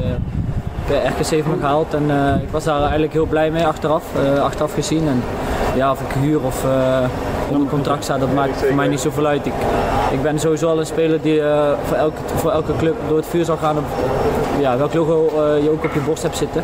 Dus nou ja, RKC heeft voor mij best wel veel betekend. En ik heb alles, altijd mogen spelen onder, onder Fred, dus dat is alleen maar top. En ja, je ziet waartoe het kan leiden, het kan snel gaan. het kan snel omhoog gaan, maar ook naar beneden. Nou, naar, rechts Boeto zelfs. ja, ook nog rechts buiten. Dus, nou ja, speler van de maand is alleen maar leuk. Dus het is nog wel ergens goed voor geweest dat ik eh, vorig jaar hier heb gespeeld. Ja, ik word er natuurlijk nu aan herinnerd. eh Goetold Stokkers die zijn eerste doelpunt maakt. Ja, en een belangrijk ook gelijk, hè? Ja, en volgens mij laat ook de tweede op zijn schoen. Ja. Ik, had, ik had het zelf niet gezien, niet goed gezien, want ja, ik zat op die perstribune en dan zit je alles drie tegelijkertijd doen en te typen en vragen te beantwoorden. En, eh, dus ik had het even gemist. Maar ja, je, het zou toch mooi zijn als je die ook nog met drie punten had, eh, Ja, ja, kunnen jatten. Dan heb, ja, precies. Dan hebben we het niet over of het verdiend was. Maar ja, tuurlijk, als je zo'n kans krijgt net voor tijd. Ja, eh, hoe lekker was het geweest? Maar ja, als, als, als stelt natuurlijk niet. Maar ja, het had inderdaad met zo'n eh, goal en dan Feyenoord eh 2 over de streep trekken... had het er weer anders uit kunnen zien. Maar ja, dat gebeurt helaas niet. Nee, dat klopt. En dan heb ik had ook nog Leemans even te spreken. Ehm, ik mocht hem de vraag die best wel eh, benieuwd naar was. Hoe het dan is om als huurspeler eh, daar te zijn. Maar ja, hij gaf toch duidelijk aan dat het hem eigenlijk gereed kan schelen. Dat is wat hij met een, met een omweg zei. Nee, maar dat verbaast me eigenlijk ook niet. Hè? Als je hem een beetje kent, ook een jongen die er ook wel heel, erg van zijn mentaliteit moet hebben. Los even van zijn, van zijn schot. Maar dat is gewoon een jongen, een karakterjongen. En ja, hij kent de streek hier misschien nog wel beter dan in Zwolle. Dus ja, dat verbaast me niet dat hij inderdaad op zo'n manier eh, op het veld heeft gestaan. En ik vond ook dat je dat altijd wel kon zien aan hem. eh, volle overgave voor, eh, voor ons. En ja, die had ik dit seizoen al best willen zien ballen op, op de Waalwijkse velden. Ja, ik ook. Ehm, ik wil nu heel even kort een, een kleine ode doen aan onze Goetold eh, Daniels. Ja. Die ja, misschien wel speler van de maand werd, zomaar. Ja, positief eh, verrast, moet ik eerlijk eh, erkennen. Eh, we hebben natuurlijk in de voorbereiding ook vaker zien, zien voetballen. Ook tegen mindere teams als, als Putten. En zelfs bij dat soort wedstrijden ja, zag je niet heel erg veel kwaliteitsverschil ten opzichte van de tegenstander. Nou, teleurstellend natuurlijk voor een jongen die zo lang zo groot talent is geweest, ook in de jeugdelftallen van, van België. Maar eh, je ziet langzaamaan inderdaad toch wel eh, wat vaker eh, zijn kwaliteiten. En nou ja, dat is alleen maar voor hem leuk en voor ons heel gunstig. Want dat zorgt alleen maar voor meer mogelijkheden op de flanken natuurlijk. Klopt. Ja, en hij scoorde tegen Cambuur. Ja. Dat is een heel leuk brugje, want dan gaan we naar het nieuws naar luisteren. We doen even twee plaatjes in start en het nieuws. En dan zijn we daarna terug met een korte compilatie, want Tim en ik waren, bij, waren aanwezig bij de wedstrijd eh, RKC Cambuur. Nou, luisteraar, best luisteraar, welkom in het uh, Stadion. Waar wij vanavond gaan, eh, wij gaan kijken en jullie gaan luisteren naar RKC Waalwijk tegen eh, Cambuur Leeuwarden. Naar verluid en we zijn afgetrapt. En dan speelt Richard van der Ven speelt de bal naar Melle terug achterin. Die speelt hem breed op Touba. Ja, die speelt hem dan weer in op Augustijns en weer terug. En dan is het eigenlijk gelijk de bal die diep gaat op Augustijns en Ola John aan de bal. En die speelt de bal dan aan de rechtsback Doke Schmid. Dan gaat die bal, die komt voor. Kan er iemand tegenaan lopen? Ja, Raakt. zo lijkt het wel. Maar die bal die wordt toch weggewerkt. En zo is het Antonia nu aan de linkerkant van het veld die die bal oppikt. En dan op... Nu, Ach, dat doet hij toch. nou, die kan En dat doet hij, laat eh, zich verschrikkelijk in de luren leggen. Tony legt nog maar eens voor. Ah, En 1-0 voor Cambuur. daar weet Pauwels voor zijn man te komen. Het is geen buitenspel. En zo is het 1-0 voor Cambuur na pak een beetje 30 minuten. Daar speelt Butunga de bal te ver voor zich uit. Asiel. Of, eh, nee, wat is het nou? Bangura. wordt Bangura even- met de ingooi, Paulussen. Eh dan is het toch gelijk weer druk zetten. En dan belandt die bal bij uh, Ella. En Ella Douti kan die bal geven aan... Asiel. Ah, jongens toch. Pauwels. Nou, Pauwels krijgt de bal. Een spits die hem op 60 meter krijgt. Wat kan die? Nou, Antonia aan de rechterkant wegsteken bijvoorbeeld. Die heeft, kan de bal net binnenhouden. Tonna weer voor zijn neus inmiddels. Antonia. Nou, zoekt ze Dan is maar helemaal op. vrij, Ah, die trekt hem voor op de zijkant. Ja, en daar 2-0. staat En zo is het 2-0 voor Cambuur. 12 minuten nog op de klok, inclusief eh blessuretijd. Gaat RKC nou dat slotoffensief nog starten? Wisselen mag niet meer. Nou, Ngonga neemt die bal. Ja, belandt hij dan nu wel op iemands hoofd? Nee, want Cambuur heeft ook nog van die goede lange spelers die wel een bal weg kunnen koppen. Inmiddels aan de rechterkant van het veld wordt die bal opnieuw voorgegooid. Is er dan iemand die erbij kan? Ja, die bal, maar de, ik weet niet wie hem raakt, maar iemand van RKC raakt hem niet goed. Heeft Daniels aan de linkerkant de bal. Ja! Zo! Wat een goal wat een geweldige goal zeg. 1-2 schiet Daniels Daniels die aan de linkerkant de bal krijgt, die naar binnen, die naar binnen kapt. Die denkt, wat Haps bij mij heeft gedaan, dat kan, ik, ook. En, En eigenlijk beter. nog veel mooier. Godverdorie, mijn koptelefoon klipte hem de man. Hij schiet hem stijf in het houtwerk. Rechts in de kruising, wat een goal. En is het de 85e minuut, is het 1-2 en kan het dus nog voor RKC. Hebben ze nog 5 minuten plus wat blessuretijd om die aanste of die 2-2 te maken. Maar inderdaad, Daniels kapt de- naar binnen en schiet die bal fenomenaal in de bovenhoek. Denk ik dat we er ongeveer zijn, maar RKC heeft nog een keer de bal en mag nog één keer. Er Tahiri aan de bal, maar die wordt door vier Cambuurspelers omringd. Nou, die kan nu wel doorlopen. Wat gaat hij dan doen? Wat gaat hij dan doen? Gaat de bal naar de buitenkant, naar Daniels? Dat zou je zeggen, dat is goed. Wat dan kan Daniels dan? Die gaat, maakt een actie, probeert er langs te lopen. Ja, is het een... Is het niks? Zou je zeggen het is een penalty? Ja! 2-2! Ja! En Gogen schiet hem binnen. Het is ongelooflijk. Het is ongelooflijk. Daniels krijgt aan de linkerkant de bal. In de laatste minuut. Laatste, echt, het kan niet anders dan dit. Nou, Goat Eagles scenario van wat ik net nog aanhaalde. het is verschrikkelijk. Lennart Daniels haalt aan de 2-2. linkerkant de bal. Geeft de bal voor. Komt bij Van der Venne terecht. Valt een beetje neer. Claimt een penalty. Ehm, De scheidsrechter ra- wuift de penalty moment weg. En hij dan komt bij Engongen voor de voet en die haalt hem maar eens eruit. Wat, wat doet Engongen als hij de bal voor zijn voeten krijgt? uithalen. En zit hij er dan mooier in dan die van Daniels? Misschien wel. Ja, dat was hem. eh, Dat was hem alweer. Ja, ik krijg een heel klein beetje kippenvel als ik het weer terugluister. Ja. Het was heel vet om te doen. En het feit dat hij dan ook... Ik zal de plaat helemaal goed uitdraaien. Ehm, eh, hopen dat ik geen knoppen kapot maak. eh, Net als... eh, als, als zojuist. Maar goed, wij gaan weer vrolijk voorwaarts. Ehm, nou, wat ik zeg, het was echt heel gaaf eh, om te doen. Maar we hebben breaking nieuws uit Moldavië. Of tenminste, van het eerste van Moldavië. Ja, Damascan eh, is ingevallen. Dus dat is ook weer goed nieuws. Hè? Na het nieuws van Delcroix, die, eh, die nu natuurlijk helaas weg is bij ons. Maar goed, uh, Damascan ingevallen voor het, uh, het A-elftal van uh, Moldavië. Dus dat is uh, dat, mooi nieuws. moeten ze? Of, uh... Dat weet ik eerlijk gezegd niet. Nee, Lekkere voorbereiding. Nee, ik weet het ook niet. Nou, kan het uh, interlandvoetbal wat schelen. Um, ja, dan gaan we verder waar we gebleven waren. En dat is toch wel eigenlijk de, de uh, wedstrijd tegen Cambuur inderdaad. Uh, wat, uh, wat, wat vond jij er thuis van, Bram? Heb je nog iets van een analyse? Uh, tegen Rusland trouwens was het, heb ik oh. snel. Cambuur? Ja. Ja, um, ja, wat moet je ervan zeggen? En, er stonden weinig basisspelers in op dat moment. Ja. ik denk een, een, begrijpelijke keus met de drukte van alle wedstrijden die we daarvoor hadden en die we daarna nog krijgen. goed ook om de jongens die wat minder spelen minuten te geven. Um, ja, om heel eerlijk te zijn, ik heb de wedstrijd uh, met heel veel plezier van jullie uh, geluisterd. Het was hartstikke leuk, hartstikke goed. Um, ik verwacht er op een gegeven moment niet al te veel meer van. Er worden 2-2, is het leuk. Uh, we hadden eigenlijk denk ik moeten winnen die wedstrijd. Hè? Ja. En dan is het jammer dat het met penalties misloopt. Aan de andere kant, um, de beker winnen is een helse opdracht. Dus of dat ooit gaat lukken, die ja. kans is klein. En dan ben ik eigenlijk ook ergens wel weer blij dat we de energie vooral kunnen stoppen in de, de wedstrijden om, om lijstbehoud. Ja, ik, ik, ik ben dan toch ook wel weer zo dat ik van tevoren denk van... Uh, oei, uh, we moeten niet verliezen, want dan krijg je gezichtsverlies en dan krijg je al die hoon van april krijg je weer over je heen. En dan denk je van, oh, dat gezeik allemaal weer van... Ja. Uh, ja, dat ja. had ik zelf ook wel een beetje hoor. Ja. Ook met van tevoren al. Dat je denkt van, oh alsjeblieft, ik, daar was ik zo klaar mee toen. Alsof wij er iets aan konden doen dat we in de Eredivisie bleven. Ja, dat is, de emotie was begrijpelijk, maar werd te veel richting RKC gespeeld vanuit Leeuwarden. En dat, ik zat er ook niet zoveel op te, of niet echt op te wachten om dat nog terug te draaien allemaal. Maar... Nee, ja, en ja, ik weet niet of het verstandig is om te zeggen, maar ik vind mensen uit Leeuwarden echt heel... Ik vond, er waren best wel hoop mensen mee, vond ik nog. Uh, want zo'n club komt met een perschef en nog iemand die de Twitter bijhoudt en dan nog een fotograaf en nog wat. En die begonnen er ook weer over. Ik van jongen, en, en dat, die begonnen dus ook weer over het feit dat um, Frank van Mosselveld toen had gezegd van dat het het enige juiste beslissing was. En dat was misschien ook niet zo verstandig. En uh, ze hebben ook nog een verhaal met Fred, want dat ligt ook niet helemaal lekker. Want die zou naar Cambuur gaan, die was een van de gegadigden als trainer.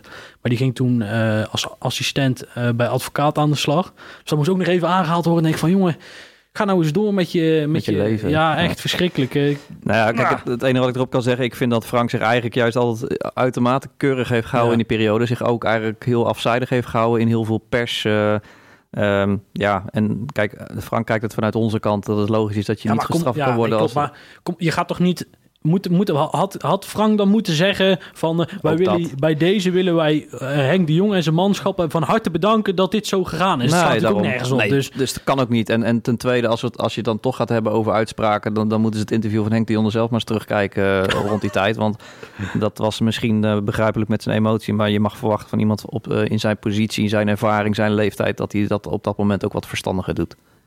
Nee, eens. En, eh, en eh, ja, goed. Eh, dan gaan wij door. Eh, want ja, we hadden best wel wat eh, kritiek eh, links en rechts. We gingen naar AZ. Dat was eigenlijk een vrij kansloze wedstrijd. Ja. Eh, ja. 3-0 verloren. Ja, op zich is dat geen hele gigantisch Nee. grote ramp. Het is jammer dat het uiteindelijk toch weer 3-0 wordt. Hè? Ja. Dat eh, duurde lang voordat we die 3-0 op de, op de borden hadden. Nou ja, dat is gewoon een wedstrijd waarvan je stil hoopt misschien met heel veel geluk, zoals ADO de week daarvoor, een puntje te krijgen. Want dat verdiende ADO ook van geen kant. Ja. Ehm, en ja, dat, dat zat er een tijdje misschien in. Hè. Het bleef lang 1-0. Maar eh, nou ja, het is gewoon een hele goede ploeg waar wij gewoon veel minder zijn. eh, zo eerlijk moet je zijn. Ja. Maar penalty moment was jou wat opgevallen, toch? Na het penalty moment. Keepertje duikt en keepertje pakt de penalty. En... Ja, ja. ja het, het- het is wel opvallend inderdaad. Een fantastische redding. En eigenlijk maar één speler die zijn kant op komt. En eh, het, het was heel gelaten. Ja, je, je, je zou verwachten dat iedereen helemaal lyrisch is, op hem afkomt. Want hè, we kunnen nog 1-1 spelen. Dus het was een belangrijke save. Ja, en dat, dat was eigenlijk niet nee. Eigenlijk maar één speler die echt naar hem toe ging. Dat vond ik heel opvallend, ja. Ja, nou kijk, dat en nog meer vragen vroeg ik naast, na Sparta vroeg ik dat eventjes aan onze, onze aanvoerder Anne Stahiri. Ik wil een constatering doen, hè. dan moet je zeggen als ik fout zit. Hè. Volgens mij was je vorig jaar aan de linkerkant gelukkiger dan nu op 10. Of zit ik helemaal fout? Nee, niet dat je helemaal fout bent, maar nu spelen we. Ja, ik had men, een beetje mijn, eh, met Paul en met eh, ja, de buitenspeler soms die links eh, buiten speelt, ik weet niet meer wie was het, wisselbak. Maar ja, ik had een beetje mijn, eh, ja, mijn connectie met, met Paul, met Daan misschien. Ja, op 10 normaal moet het makkelijker zijn, want ik sta meer tussen de linies, maar ik, ik zie dat ik heb minder ruimte nu. Eh, van de tegenstander geeft me veel minder ruimte nu. En ja, ik moet proberen om eh, de, ja, de situatie te regelen. En ik probeer het, want nu de verdedigers staan eh, korter op mij. Ja. Maar ja, ik moet eh, iets vinden om... Maar misschien en- ook ergens een compliment natuurlijk. Nou, nou, nou het goed seizoen gedraaid vorig jaar en nou weten ze wie ze moeten hebben natuurlijk. Ja, ja, ik weet het. Vaak tegenstander tijdens de wedstrijd ja, zeggen, me, zeggen ze tegen me, ja, ik moet kort op je, maar ik moet iets vinden om uit die pressing, Ja. want dat is belangrijk voor en belangrijk voor Ja, ik vond vandaag ook, als je ziet dat jij dan op een gegeven moment richting de zijkant uitzakt, omdat een buitenspeler of eh, de back opvangt of eh, zelf diep gaat, dan zie je ineens dat je gevaarlijk wordt. Toen, wat mij opvalt is dat ehm, eh, na een minuut of 40 dan is er een penalty moment. Dat is even, ah, wat was het, 35, 40 minuten. Dan valt me op dat als dan het spel stil is, dat eigenlijk de enige die echt ja, bij de scheidsrechter wil staan, maar dat niet doet omdat hij op goal staat, Kostas Lampro is. En dat eigenlijk de rest van het team een soort van de, de situatie al accepteert. Is dat iets wat jij herkent? Nee, nee, ik denk niet, want ik was op het veld en ik hoor iedereen eh, gewoon eh, tegen de scheid roepen dat het gewoon penalty was. En direct na de penalty, eh, ik ging met Vitali praten om te vragen, is het echt penalty? Hij zei me 100%. Dus we waren gewoon rustig. En toen de scheidsrechter kwam, ja, ik, ik mag je zeggen dat iedereen op zijn rug was. Ah, Oké. Goed, dat is eigenlijk een beetje hetzelfde wat ik net zei, hè, van die, eh, van, van, dat, dat, vanaf de kant lijkt dat heel erg, hè, maar dat heb ik dus blijkbaar fout. Dat was vorige week ook tegen AZ, ook eigenlijk toen Kostas die penalty pakte. Ja, dan, Luc liep even naar hem toe of zo, gaf een box en dan mist, mist daar een soort van enthousiasme of zo? Of, Nee, nee, ik kan echt zeggen dat de enthousiasme veel beter is dit seizoen dan vorig seizoen. Oké. Echt, ik, ben, ik zit in de ploeg eh, nu al twee jaar. Ik denk dat Ja. de, de sfeer is, is gewoon goed. Iedereen staat, weet wat het doel van de club is. En we hebben de capaciteit om de, onze doelen te halen, om in de divisie te blijven met een mooie voetbal. De zin is perfect, de, de wil is er, maar die moet ook de dag van de wedstrijd eh, zijn. En, ja, het is ook makkelijk beoordelen buiten het veld natuurlijk. Ja, ja. Ja, en dat, eh, dat, daar wil ik het op wel laten. Dat is ook heel lastig eh, eh, om in te schatten buiten het veld. En, eh, maar toch valt het wel op, weet je wel, voor de buitenwereld. En, en als het meerdere wedstrijden opvalt, dan kan het ook door de media zo'n dingetje worden. Eh, maar ja, eh, dat valt wel tegen, zeg maar. Ja. Met, met Tahiri bedoel je? Nee, met dat, dat ehm, gezeur buiten het... Dat is het, het zo gelaten zijn. Ja, het ja. zo... Het allemaal wel accepteren. Zo, zo, zo voetbalt eigenlijk zelf toen een beetje. Ja, het, dat zal vast niet zo zijn. Maar het, het- ja, er waren een paar opvallende momenten hè, Ja. met, met, eh, met die gestopte penalty. Dat je denkt van, ma. En, eh, en zo zijn er nog wat momentjes geweest dat je soms een beetje het gevoel krijgt, eh, het, het moet nog een team worden. Nou ja, klopt. En ja, ik, ik ben benieuwd. Het is natuurlijk ook, ook nieuw, omdat je, wat zei Melle natuurlijk eerder al, van je komt uit de keukenkampioen en ben je ook echt ingespeeld. En schijnbaar scheelt dat ook echt, zeg maar. Eh, eh, dus dus dat, dat zegt, hij, zegt hij zelf ook. Ja, en dan... Af, af en toe doet het af met dooddoeners natuurlijk, maar dat is in deze denk ik natuurlijk niet het geval. Nee, nou ja, goed. Ik, eh, ik heb het een paar keer gezegd, ook op de app tijdens de wedstrijden. Ja. Ja, ik vind het persoonlijk het, het, het spel echt, echt niet leuk om naar te kijken dit seizoen. Ik Ja. irriteer me best wel heel erg eigenlijk. En dat heeft vooral te maken met een ontzettend laag tempo. Vorig jaar zag je nog regelmatig leuke combinaties, dat er nog iets verrassends in zat. Dat is nu ook niet. Eh, je speelt met buitenspelers die volgens mij speel je met buitenspelers omdat die normaal eh, gesproken de capaciteit hebben om een verrassende actie eh, te maken, waardoor je een, een man meer situatie kan creëren voor de goal. Als je een mannetje uitspeelt, naar binnen komt of, je- of juist met een goede voorzet buitenom. Ehm, maar dat gebeurt ook niet. Dus feitelijk speel je met twee buitenspelers wa- waar, niks van afkomt. Ehm, je speelt met een spits die mm, in mijn ogen meer geschikt is voor een 4-4-2 eh, systeem en, en niet voor de 4-3-3 zoals we op dit moment spelen. Je zou hem kunnen gebruiken, maar dan zou je denk ik eh, vooral via de achterlijn ballen laag terug moeten geven op hem. Hè, dan kun je hem gebruiken. Maar niet op de manier zoals ze het nu doen, want het is gewoon absoluut geen aanspeelpunt, wat ze wel vaak proberen. Eh, het is een fantastische spits, alleen ik denk dat ze hem niet goed gebruiken op dit moment. Ehm, ja, en voor de rest, eh, het, het zal absoluut zo zijn. De, de- heel veel jongens zijn er laat bijgekomen. Eh, dus er zijn geen automatismes. En heel veel jongens die hebben in het begin natuurlijk ook weinig gespeeld. Eh, en John vond ik ook niet al te best, moet ik zeggen, de laatste wedstrijd. Nee, klopt. Ja, die hebben gewoon tijd nodig. En dat is zonde voor als je zo laat zo de selectie pas, pas rond hebt. Wat geen kritiek is, want we begrijpen allemaal waarom. En we weten allemaal in welke situatie we zitten. Maar dat is het grote nadeel daaraan. Ja. Ja, maar laten we eens even afgaan. Hè? Dat we, dan, we hebben net Anna Schors, laten we daar beginnen. Kijk, ik, ik ben er heilig van overtuigd dat wat ik tegen, tegen Anna zeg, is dat hij niet in zijn recht komt op de plek waar hij nu staat. Want op het moment dat hij op 10 staat, dat vindt hij ongemakkelijk op een of andere manier. Terwijl we hem daar allemaal heel graag zien, gezien zijn kwaliteiten. Eh, dan komt hij, eh, dan, dan zie je vaak, vind ik, dat hij een combinatie zoekt. Eh, als hij hem dan lukt, dan is hij de combinatie niet op 10, maar dan loopt hij al ergens op 6 of 8 of dan is niet uitgezakt. Dus dan heeft hij op, daar achterin helemaal heel veel plek. En eh, dan wil je eigenlijk, en daar, dat is een dooddoener, dan missen we een Stijn Spierings, eh, die dan achter de spits, achter Bilater, meteen de kans heeft om een Elbers vorig jaar weg te steken. En dat kan dan nou een Engon zijn, of een Engon, weet ik veel. Of een, een John, of een... en ik denk, dat, ik denk dat hij gewoon verkeerd gebruikt wordt erin. Ja, nou sowieso heb ik het sterk het idee dat het geen aanvoerderstype is. Eh, dat hij meer last heeft van die band dan dat hij, eh, dan dat hij er baat bij heeft.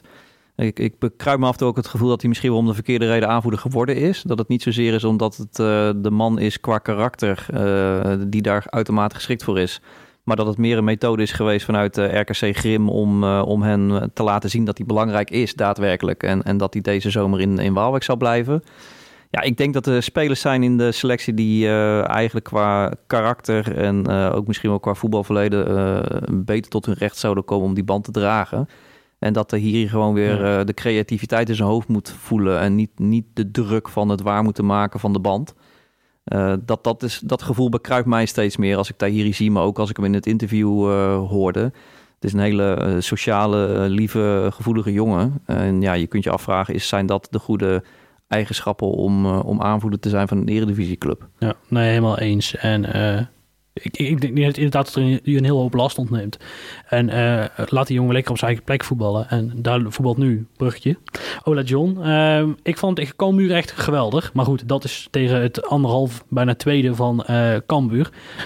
Feyenoord ook heel, heel, ja, heel raar. Maar dan krijgt hij zich ook weer helemaal vrijgespeeld om, Ja. om te scoren. Ehm, eh, ja, maar toch, toch ben ik... ik ben, ja, er is nu wel een beetje gebeurd waar ik heel bang voor was in september. Eh, nee, eh, dus begin oktober, wanneer de vorige podcast eh, was. En dat is dat het ook wel heel veel naam is. En kijk, Gert-Jan Verbeek, die, die, die had... En die heeft nog iets bij FC Twente, dus die was wel heel fanatiek. Maar die had natuurlijk ook dit iets te zwaar is. Ja, en ik er vind zit dat- een kern van waarheid in. Maar ik vind dat op zich nog wel meevallen. Als je goed naar hem kijkt, het is, het is natuurlijk gewoon ook een zwaar gebouwde jongen. Eh, los van, eh, van of hij dan te zwaar is. Ja. Dat is ook zijn lichaamsbouw. En ik heb het niet het idee, als je echt goed naar hem kijkt, dat hij veel te veel vet meedraagt. Volgens mij is die jongen echt wel één bonk eh, spier. Ehm, alleen ik denk dat je gewoon niet moet onderschatten dat die jongen zo lang niet fatsoenlijk gevoetbald heeft. wedstrijden en dergelijke. Eh, dat hij gewoon nog best wel een lange weg te gaan heeft. Want voetballen moet hij kunnen. Hij heeft op zich een leeftijd waarin hij eigenlijk op zijn top zou moeten zitten, eind 20. Dus ja, het, het, heeft me, het heeft me negatief verbaasd de laatste wedstrijd. Maar ik heb zeker niet de hoop opgegeven. Ik denk gewoon dat die jongen meer tijd nodig heeft. Maar wat ik wel vind is als je...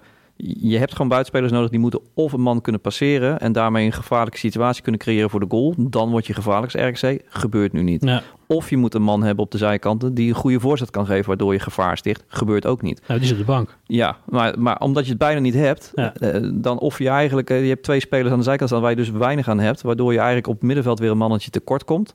Ja, op, op die manier eh, is 4-3-3 eerder een zwakte, denk ik, dan een toegevoegde waarde. En misschien als we het daar hier aan de zijkant zouden zetten, dat je wel die balletjes, hè, want die kan wel vanaf de zijkant die balletjes achter de verdediging steken. En Damas kan, kan met zijn snelheid. En, en wat dacht je van Richard van der Venne? Die kan daar mooi tussendoor glippen met, hè, als hij vanaf 8 op, op 10 komt. Ja, dan, dan denk ik dat we veel vaker gevaarlijk worden. Want dat vind ik het frustrerende van dit jaar. Het voetbal eh, is tot 20 meter voor de goal. Maar, maar, maar, maar redelijk bij Ja. tijd en wijlen. Maar je voelt gewoon dat we, we creëren gewoon helemaal niks. Dus hoe wil je ooit gaan scoren als je gewoon echt helemaal niks creëert? En, en daar moeten we echt iets aan doen. En ik denk dat we daar Richard en Tahiri wellicht vanaf de zijkant heel goed bij kunnen Ah, gebruiken. en eh, ja, goed, dan kom ik weer met mijn, eh, met mijn vaste eh mascotte. Ik vind dat je Paul Kwasten moet opstellen. Want wat je zag, en Thierry zei het ook, hè, even kort in zin, ja, vorig jaar had ik die connectie met Ja. Kwast, had ik al erg. Kijk, ik vind Wouters een hele matige voetballer en hij kan best oké verdedigen. Zit er ook wel vaak naast, maar die jongen krijgt ook heel veel te doen. Dat, dat is eerlijk is eerlijk. En ik vond hem tegen Sparta verdedigend eigenlijk een van de betere, want hij had echt twee hele cruciale, op twee, twee hele cruciale momenten weet hij een bal weg te koppen en een bal, bal weg te sliden. Ehm, alleen het is aanvallend zo gigantisch matig. En als je kijkt naar zo'n wedstrijd tegen Cambuur, als dan zijn kwast de bal krijgt, dan zie je ineens iets gebeuren. Hè. Links ziet hij ineens een optie. Eh, Die is ook natuurlijk een heel klein beetje zo gek als een deur.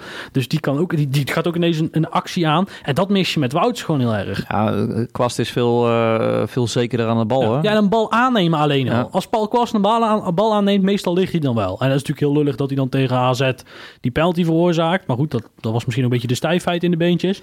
Maar daar moet je gaan voetballen. En ik denk dat het daar gaat beginnen. Kijk, aan de rechterkant heb je al een buitenspeler staan. Dus vanaf daar zou je ook moeten kunnen voetballen. Ja, nou ja, Kwast heeft natuurlijk wat meer inzicht met zijn ervaring, Ja. maar hij is ook gewoon comfortabel aan de Ja. bal. En bij, bij Wouters heb je dat gevoel vaak niet. En Dan, eh, hij heeft natuurlijk ook wel een paar keer echt verkeerd gestaan. Hè? Was Ja. het die goal van Feyenoord dat hij toen eh eerste helft helemaal verkeerd stond? Of was het tegen Zwolle? Ik weet het even niet meer. Maar stond hij ook helemaal verkeerd te dekken waar die goal uitkwam. Ehm ja, kijk, aan de andere kant, eh, je mag je afvragen, kun je dat van hem verwachten om er nu al zo te staan? Ehm, ik vraag me dan wel eens af, maar dat doen heel veel mensen, zie ik. Eh, waarom speelt Luton niet? Ja. En uh, ja, en Kwast het duurt ook best wel heel erg lang. Hè. We zitten alweer half november en hij heeft nog geen basisplaats gehad. Dus het eerste seizoenshelft nadert alweer zijn einde zo langzamerhand. Uh, ja, zonde. Want de, de backs zijn in mijn ogen echt, echt de zwakke plek op dit moment. Um, ja, en, en ik mis een beetje body op middenveld. Uh, een beetje power. En uh, ja, dat, dat kan Richard wellicht ook toevoegen. Die, dat is echt een jongen met karakter. Nou, we hebben het allemaal gehoord uh, net.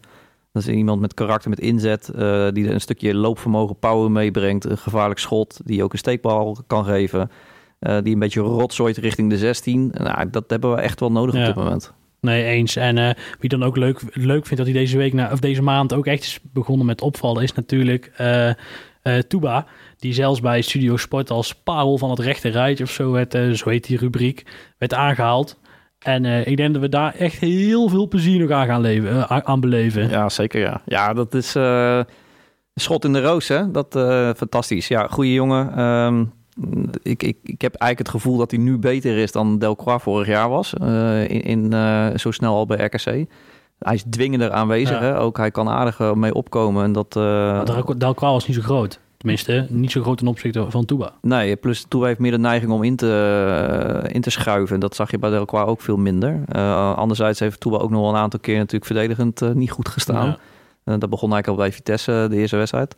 Maar goed, dat, dat is ook een stukje ervaring opdoen. En, uh, maar goed, dat is een jongen vol potentie. En uh, het zal me niet verbazen als die misschien, net zoals uh, Delcroix nu, ook nog wel binnen nu een afzienbare tijd Jan van Tongen gaat vervangen langs de zijlijn bij de Rode Duivels. Nou, ze hebben echt een blik met talenten daar in België. Daar kunnen ze echt heel, heel blij mee zijn. Ja, hoe ze dat doen. Hè? Een klein land, eh, minder inwoners dan wij. Heel lang ook weinig voorgesteld natuurlijk op voetbalgebied. En op de een of andere manier sinds de laatste lichting... eh, dat ze misschien wel het beste nationale team van het moment zijn. Ehm, ja, is het, eh, hebben ze inderdaad heel veel talent, ja. En eh, stel je bent Fred Grim. En je moet voor volgende week een spits opstellen. Wie zou je dan kiezen? Allebei één keer gescoord. Nou, zeker Damaskan. Ja? Ja. Ja, ik begin een beetje te twijfelen. Ik vind eigenlijk en, ehm, eh, dat Fred heel goed bij zichzelf te raden moet gaan van moet ik niet iets anders doen? Want het is, we kennen Fred is natuurlijk een heel volhardende trainer. Hij is- wisselt niet graag. En eh, qua vaste, qua opstelling. En ehm, ja, ik, ik vind daarin wel dat, dat als we zo doorgaan, dan gaan we echt vorig jaar 2.0 krijgen. Als je echt niks gaat veranderen. Ja, maar kijk, als je dan naar de spitsen waar je het over hebt. eh, Damaskan, dat is een jongen die, eh, die is graag onderweg. Die wil graag crossen voorin, van rechts naar links, links naar rechts. Die loert op dat balletje achter de verdediging. Daar is hij heel erg goed in. Dan krijg je die bal mee één op één, zoals hij eigenlijk tegen Utrecht scoorde Ja. uit. Ja, dat is zijn kracht. Alleen nu, eh, als je 4-3 speelt, dan, dan haal je veel ruimte voor hem weg. Want hij kan niet naar rechts, naar links crossen, want dan staat hij in de weg voor de buitenspeler. Dus hij moet veel meer gecentreerd blijven spelen in de aanval. Dus veel statischer. Nou, dat, dat is hij eigenlijk niet. Plus, hij wordt nu heel vaak gebruikt zoals we vorig jaar Bilater gebruikten. Inspelen vanuit het middenveld. Maar het is absoluut geen balvaste spits. Dus, dus ik, ja, wie ben ik? Maar ik heb echt het gevoel dat we die jongen eh, echt verkeerd gebruiken. Dat als we die jongen goed gaan gebruiken, dat die echt van gigantische toegevoegde waarde kan zijn. Want een doelpunt maken kan die zeker. Nee, daar ben ik. eh, Ja, misschien dat je hem eh, in 4-4-2 nou inderdaad eens. Eh, alleen hoe, hoe zou je dan spelen? Dan heb je Damaskan sowieso in de spits. Wie zou je daarnaast zetten? Ik zou zeggen Tahiri vanaf links op het middenveld. Ja. Anita achter. de onderkant van de ruit. Ja, ik- je hebt verschillende opties. Hè. Je kan Richard erachter zetten, maar je kan misschien Richard er ook wel naast zetten. Je kan ook, ja, ik vind het ergens nog wel jammer als je 4-4-2 zou spelen. Dan zou je eigenlijk Bilater van vorig jaar willen hebben, die je dan eh, in de punt zet. En dan waar je Damaskan constant omheen laat lopen. Gewoon op snelheid Ja. de, de diepte in blijven gaan. En iemand die erachter staat, van de Vende bijvoorbeeld, of een Tahiri vanaf de zijkant, die de bal regelmatig laag kan crossen achter de verdediging van de tegenstander. Ja, dan, dan, dan gebruik je hem optimaal. Maar ja, het, het, het blijft puzzelen. En dat zal Grim niet anders gaan doen, denk ik. Maar we moeten wel e- iets gaan doen. Want eh, kleine heads-up. De teksten na de wedstrijd worden wel met de week slapper. Vind je niet? Ja, vind ik zeker. Ja, Ook voor de wedstrijd. Nou ja, zeker. Dat, Hoe zou het trouwens met Van der. Wiel zijn? Nee, flauw. Nee, dat, dat is natuurlijk elke keer echt... Bij Foxy doen ze ook altijd hetzelfde. Dat is ook zo matig. Hè? Helemaal, nou, nou moeten we elke wedstrijd natuurlijk via Fox kijken. En dan Ja. komen we er pas achter hoe... Ja, nou, ik mag niet klagen, want ik ben de meeste wedstrijden van ons geweest. Ja, ja, ik, ja, Van der Wiel, ik, ik, ik hou geen rekening meer met Van der Wiel. En dan kan het altijd meevallen. En, eh, maar ja, in mijn ogen... Maar sowieso, het heads-up naar Van der Wiel, goed dat hij er vooruit gekomen is. Ja, ik denk- zeker. Ik denk stiekem heel veel mensen die zich er ook wel gedeeltelijk in zullen herkennen. Absoluut. En eh, ja, tof, ja, tof dat, die, eh, ja, dat wij als RKC toch weer zo op de kaart eh, staan. We Ja. worden wel een heel klein beetje een knuffelclub zo, maar... Nou ja, goed. Kijk, eh, het, het menselijke straalt er vanaf. Dat is denk ik ook altijd een van de sterke kanten van, eh, van RKC geweest. Hè. Ik heb eh, afgelopen week contact gehad met een oud spits van RKC... wat we ook op Twitter hadden gehoord... die ja, eh, volgende, volgende, maand, Ja. ja. volgende maand mee gaat werken. Wat echt fantastisch is. Er zijn al veel namen genoemd op Twitter. De goede zat ertussen, maar welke is het? Dat, eh, dat, is, dat horen jullie volgende week of eh, volgende maand. Maar ook hij geeft gewoon aan hè, hoe fantastisch zijn tijd bij RKC was... omdat het zo'n leuke sociale club is. Dus dat moeten we ook zeker blijven. Tof. We gaan even een plaatje instarten. Eh, daarna eh, een nieuw rubriekje. Sp sportje vragen met een paar vraagjes. En eh, daarna zijn we bij, jullie terug. Beschrijf RKC eens in één zin. Dat is de mooiste familieclub van Nederland. Wat is er zo mooi aan RKC? Ja, het RKC-gevoel is best wel lastig uit te leggen als je er niet, niet komt. Ehm, ja, het klinkt clichématig, maar iedereen is altijd vriendelijk. Of er nou eh, een, een is bij de poort of, eh, of eh, meneer Verhulst, een van de oudste sponsoren. Personeel, natuurlijk de supporters, jong en oud. Het gevoel is moeilijk te omschrijven. Het voelt gewoon echt als familie. Ik, ken gasten die ik van gezicht 20 jaar ken. Dat je gewoon heel vriendelijk knikt. En dat niet eens weet wie het is. Dat is moeilijk te omschrijven. Maar wel een mooi gevoel. Vraag 3. weet je je eerste wedstrijd van RKC nog en vertel er eens over. Ja, dat was eh, RKC Twente. Ik meen in 1993. RKC verloor die wedstrijd met, ik dacht 1-3. Eh, dat was nog in de oude fietsstalling. Ik stond op Oost. Dat is de overdekte eh, staantribune destijds nog. Dat is nu zeg maar HH. Van die wedstrijd kan ik me niet zo heel veel herinneren. We waren toen echt jong. Ehm, ja, 1-3. Ik herinner me nog wel eh, dat we naast uitvak stonden... dat die gasten van vak P indrukwekkender waren dan die wedstrijd. Met die oude hekken. Ehm, dus ja, dat was geen best begin. Maar sinds ik er toen was, had ik wel zoiets van... nu wil ik vaker komen. Wat zou volgens jou beter of anders moeten bij RKC? Ja, ehm, vroeger, ik klink al oud, ik ben 41, had je de, de kantine, tegenwoordig de fietsstalling. Dat was eigenlijk altijd één groot feest, vooral op de zondagen. Ehm, sterker nog, er kwamen niet RKC'ers na de wedstrijd toen de poort open was om daar een biertje te drinken. Ehm, omdat het zo gezellig was. Momenteel is het verbouwd, ziet het er heel tof uit. Ehm, maar ja, is eigenlijk die sfeer vind ik helemaal weg. En nu we Eredivisie voetbalt, is volgens mij genoeg draagvlak en voldoende publiek. Dus ik denk dat er veel meer potentie in zit.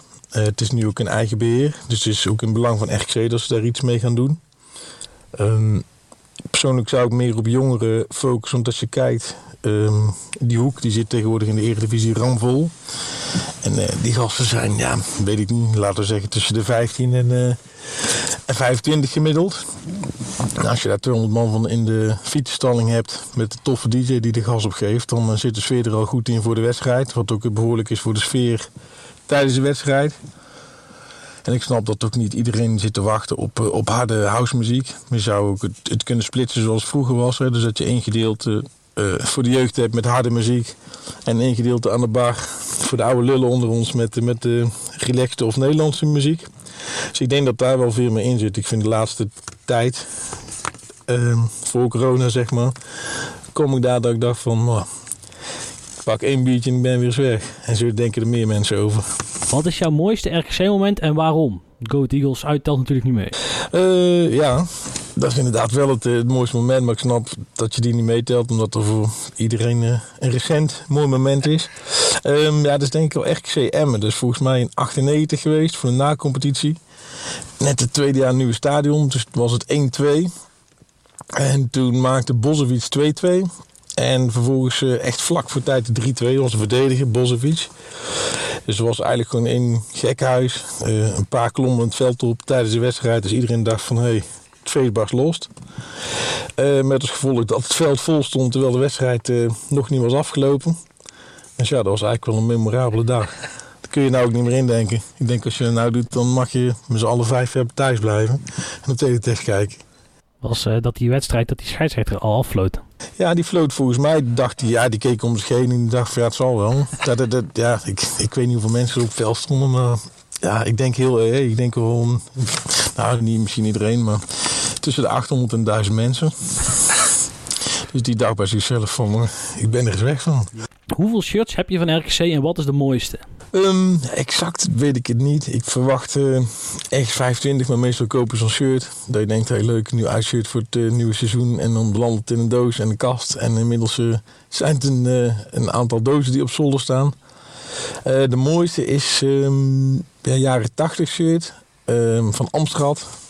Van Marco van Oudalem. stond eigenlijk gewoon een, met lange mouw. Ja, de oudere luisteraars onder ons zullen weten welke het is. En dat is wel de mooiste, want uit de jaren 80 zijn bijna geen shirts meer te krijgen. Die liggen ergens op zolder bij een paar verdwaalde waalwijkers. Uh, dus dat is denk ik wel het shirt wat, ja, wat het tofste is. Wie is je favoriete RKC-speler ooit en waarom? Ja, dat is een lastige. Um, ik denk toch, maar dat is nog redelijk recent, Dirk Boerrichter. Uh, waarom? Um, die heeft ons in 2011, meen ik, uh, mede kampioen gemaakt. Die, die, die, die was vliegensvlug, scoorde veel. Uh, mooi voetbal om naar te kijken. Daarnaast heeft hij het Nederlands elftal gehaald, Ajax en Celtic. Nou, dat is ook niet veel. Uh, uh, die, die, kunnen dat niet zeggen, zeg maar. En daarnaast is het ook wel een aardige kerel. Hij woonde bij ons om de hoek in Bezooien. Uh, dus hij kwam wel bij ons eten. We gingen samen wel eens destijds naar de Marquise potje poelen. De WK 2010 hebben we nog samen gekeken, alle wedstrijden tot en met de finale. Dat was ook de enige in de Marquise die cola dronk. Maar dat was wel, uh, ja, was gewoon uh, privé ook gewoon een hartstikke aardige kerel. En ja, die heeft in mijn optiek wel uh, grotendeels bijgedragen aan het kampioenschap destijds. Maar er zijn natuurlijk ja, wel, wel meer spelers die altijd bijblijven. Maar Welke dan nog zoal? Oh, noem nog eens een paar. Uh, jaren 90 is Hardis Ver wel een held samen met Marco Bogers. Die scoorde ook veel. Um, ja, eind jaren 90 rond Millennium had natuurlijk Hogendorp. Volgens mij ook de, ja, degene met de meeste goals die voor RKC ooit gemaakt zijn. Ja, verder eh, gasten als Nascimento van Manrooy. daar- Ja, er waren wel gasten waarvoor je naar het stadion kwam. Maarten Schops, die eh, deze naam eer aan. Die schoffelde wel eens goed eronder als moest. Dat missen we nu wel eens, hè, dat je iemand eh, hebt die, eh, die even de kaart pakt. Maar goed, Hoe lang kom je al aan de Akkerlaan? Ehm, ja, 1993 was de eerste wedstrijd. Toen kochten we losse kaartjes. En toen heb ik volgens mij vanaf 94 een seizoenkaart gepakt. Dus vanaf 1994 tot en met nu. nu zit, eh, 26 jaar. Ja, nu zit ik op F, soms op de eretribune, omdat ons bedrijf ook sponsor is. Eigenlijk overal wel gezeten op EE. Gezellig bij de kantine, maar toen zat ze vaak de tweede helft in de kantine op het scherm te kijken. Ehm, dus ja, sinds 94 is inderdaad al een poos. Wat is de mooiste plek in het Mannenmakerstadion nou we het er toch over hebben? Ja, de mooiste, dat is ook een lastige vraag. Kantine is het gezelligste. Nee, maar in, in, het, eh, in het stadion zelf, ik zit nu op F al, ik durf niet te zeggen, misschien een jaartje of tien. Gewoon een gezellig vak. De, er zit tegen een sfeervak aan, dus dat is qua, sfeer ook tof. En eh, één trapje af en je bent bij de bar. dat is ook al belangrijk. Dus eh, ja, dat is een lastige vraag, mooiste plek. Ik denk gewoon het vak waar, ja, waar ik nu zit, bevalt goed. Wat is het mooiste doelpunt dat ooit door RKC eh, gescoord is? Ehm, ja, dat is, dat is ook alweer lang geleden. Dat is eh, Groningen RKC geweest met Alfred Schreuder. Ehm, in 97. Die, ik weet niet of je die, die goal kent of misschien ooit op YouTube hebt teruggezien. Die scoorde toen eh, vanaf eigen helft. Ehm, dat was de tijd nog, ja, was natuurlijk geen internet. Eh, Studio Sport om 7 uur. Dus herinner ik me nog, toen, toen woonden wij in Drunen. Ik was onder andere met mijn broertje bij de wedstrijd. En die heeft toen eh, gezorgd dat die bus eh, in Drunen stopte. Dat we een stukje, een stukje konden lopen om die wedstrijd op Studio Sport eh, die goal terug te kijken. In plaats van eerst eh, naar Waalwijk en dan weer terug naar Drunen. Maar dat is, ja, dat is een mooie goal. Ja, er zijn natuurlijk meerdere, maar die staat me wel bij. Want ja, die vanaf eigen helft wordt er niet iedere week gescoord, zeg maar. Ja, Joris, bedankt. We gaan deze rubriek natuurlijk vormgeven door een soort van stokje over te dragen. Wie zou je willen nomineren? Ik denk dat het leuk is als Jens. Die is eh, van Hoek E. Die, die zwingelt eh, de boel altijd daar goed aan. Dus ik denk wel leuk eh, als, als hij antwoorden geeft op jouw vraag. Ik ben benieuwd hoe hij erover denkt. Ja, top. Dankjewel. Eh Joris, nogmaals eh, bedankt. Eh, ja, je, hebt een uitdaging voor de volgende keer. Dat komt allemaal goed, zien we dan wel weer. Dat, dat, dat gaan we regelen. Bram, jouw mooiste goal ooit die je bij voorkeur zelf gezien hebt? Als het, Maarten Mattis thuis tegen Feyenoord. Dat vond ik echt een... nou Ja, daar zit kracht in, maar vooral heel veel souplesse, techniek. En, en, en tegen een club als Feyenoord natuurlijk, ja, een fantastische goal. Ja, ik, ik wil bij zeggen, dat is net voor mijn tijd. Maar goed, dat, eh, dat, eh, ik vond het wel leuk. Joris had het ook over de wedstrijd M, eh, nee, RGCM of MRGC. En waar, nee, dat was RGCM uiteraard. Uh, maar goed, dat was vijf maanden voordat ik, ik was toen net niet meer vloeibaar, zeg maar. Hè? Dus leuk om heel veel geschiedenis daarmee mee te krijgen. Ook dat komt binnenkort, gaan we er ook nog een keer over hebben, geschiedenis. We blijven alleen met teasertjes, teasertjes droppen hier. Hey, we gaan heel eventjes nog vooruit, vooruit kijken. Um, Heerenveen thuis, Twente uit, VVV thuis, Groningen uit. Ja, uh, pittig programma, vooral de eerste twee wedstrijden. Uh, nou, eigenlijk wel, uh, nou, eigenlijk wel drie van de vier wedstrijden als ik ze zo zie. Nou ja, Heerenveen goed bezig. De laatste wedstrijden iets minder, maar dat was tegen AZ en die waren erg goed. Dus dat zegt denk ik meer over AZ dan over Heerenveen. Dus dat wordt een, een lastige pot met het enige voordeel dat we wel thuis spelen. Ja. Twente is goed op dreef. Mm, Ja, hebben niks meer te verliezen eigenlijk. Verrassing. Ik vind Twente echt de verrassing van het jaar. Ja, tot, echt de verrassing van het jaar. Ik had nooit verwacht. Nee, maar ik denk niemand dat het zo goed zou gaan. Ja. Uh, met zoveel huurspelers. Uh, wat Jans er zo snel zo'n team van gemaakt heeft, is uh, heel knap. Ja. PVV thuis? Ja, moet gebeuren. Maar vorig jaar allemaal mis is gegaan, hè? Ja, het moet gebeuren. Kijk, je durft het bijna niet te zeggen met dit, dit soort wedstrijden. Ja. Want PEC thuis was natuurlijk net zo'n wedstrijd. Sparta thuis, ja, dat zijn eigenlijk de wedstrijden die we moeten we winnen. En die waren alle twee gewoon zo ontzettend slecht. Ja, ik, ik gebruik het woord matig niet eens, want ik vond het echt heel slecht. Uh, dan hoop je tegen VVV dat het alsnog gaat gebeuren. En dat zou moeten kunnen. Ja, matig voetbal. Maar goed, dat zei ik van Sparta ook. En die begonnen ineens leuk te voetballen. Dus uh, niet te hard roepen, anders horen ze het. Ja, en Groningen uit. Het enige wat ik daar nog goed weet van de Groningen uit... is dat ik daar ooit een keer heb gestaan, zeven jaar geleden. En dat het heel koud was. En ze daar stalen stoeltjes in het uitvak hebben. Dus dat werd nog kouder. Ja, ja, je twitterde laatst al een foto van, de, van de verwarming van het Mandenmakerstadion. Ja, die heb je toen gemist. Ja, zeker. Nou. Groningen uit is ook gewoon een heel lastig pot. Hebben gewoon een heel goed team, draaien goed. Is ook best een verrassend eh, team tot nu toe, vind ik, dit, eh, dit seizoen. Ehm, ja, wordt ook heel lastig. Daar haal je misschien een puntje, maar wordt, eh, dat wordt al heel Nou lastig. goed, hij heeft tot punten sprokkelen. Dus ja, maar als je een puntje haalt, dan eh, laten we hopen dat dat is. Eh, we hebben nog een paar kleine, kleine dingetjes. Eh, we hebben als supporters een paar doeken gelegd op EE. Dat Ja. was ik zelf eh, persoonlijk bij. Eh, dat was heel tof om te doen, wat mensen te spreken. En eh RKC heeft zelf ook nog een heel groot doek eh, neergehangen. Best wel imposant, als ik heel eerlijk ben. Mooi geworden, absoluut. Ja, met eh, de, de, namen, de namen erop. Het was een heel klein beetje ongemakkelijk dat achter mijn naam, daar rechts van stond iemand die heette Kerkhoff. Ja. Dat was een heel klein, heel klein beetje onge- ongemakkelijk. Maar Maar eh, vorige maand, ja. bij de familie Paulus kunnen wij daar, eh, zien wij dat gelukkig met een heel klein beetje humor in. En kunnen we daar dan ook alweer eh, weer, eh, om, eh, om lachen. Ja, dan, dan hebben we een bomvol programma, Bram. Maar dan zijn we er alweer bijna weer. Ja, het gaat heel rap. Ja. Dat zijn we net al tegen elkaar. Dit, Ja. eh, deze uitzending die vliegt voorbij. Ja. Dat is alweer tien voor tien. Nou, allereerst van deze plek willen we Tim bedanken. Want eh, ja, hij is er vanavond helaas niet bij. En hij heeft echt gigantisch veel werk in deze aflevering, eh, aflevering gestoken. Eh, verder moet ik van wil ik naar de socials gaan. En dan moet ik van Tim bij zeggen dat we geen Instagram hebben. Twitter wel, RKC nu. En op Facebook ook RKC nu. Eh, volg ons vooral. Laat sowieso even een rating achter. Ik mag dit van Tim nooit zeggen. Nee, het niet. Dus dan ga ik zeggen, abonneer ook vooral. Kijk, dat allemaal mooi op tijd binnen. Meestal komt de podcast eigenlijk op donderdagavond al online. Maar nou goed, dan, eh, dus mocht je nou eh, geabonneerd zijn, dan zie je dat al. En dan, eh, ja, dan zien we jullie weer op 17 december. Heb jij nog een kort woordje, Bram? Ja, in ieder geval eh, hartstikke bedankt voor het luisteren allemaal. Ik wil nog een eh, extra dankwoord richting eh, Richard van der Venne en RKC Ruben Rijpma voor de medewerking. Eh, hartstikke dank daarvoor. En eh, de GOAT Henrico de Rost, eh, wederom dank voor, jou, eh, voor jouw woordje. En eh, daar ga je nu naar luisteren. Goedenavond, vrienden van de podcast. Alles wel? En natuurlijk uh, goedenavond, uh, nou, RKC-vrienden, supporters van RKC. Ik hoop dat alles goed gaat met jullie in deze uh, ja, toch aparte tijden. Waarin het uh, ja, qua vrije leven misschien niet altijd even makkelijk is. En uh, ja, waarin jullie natuurlijk de wedstrijden van RKC gigantisch zullen missen. Het is natuurlijk een andere ervaring zo voor de buis, ja, thuis, dan dat je in het stadion zit waarin de echte wedstrijdbeleving nou, kan ervaren. Natuurlijk de sfeer om, om de wedstrijden heen, met een bakje erbij. Ja, dat ja, mist elke supporter van elke club. natuurlijk de rest, nou, van de samenleving zit ook aan regels gebonden, dus het is een aparte tijd.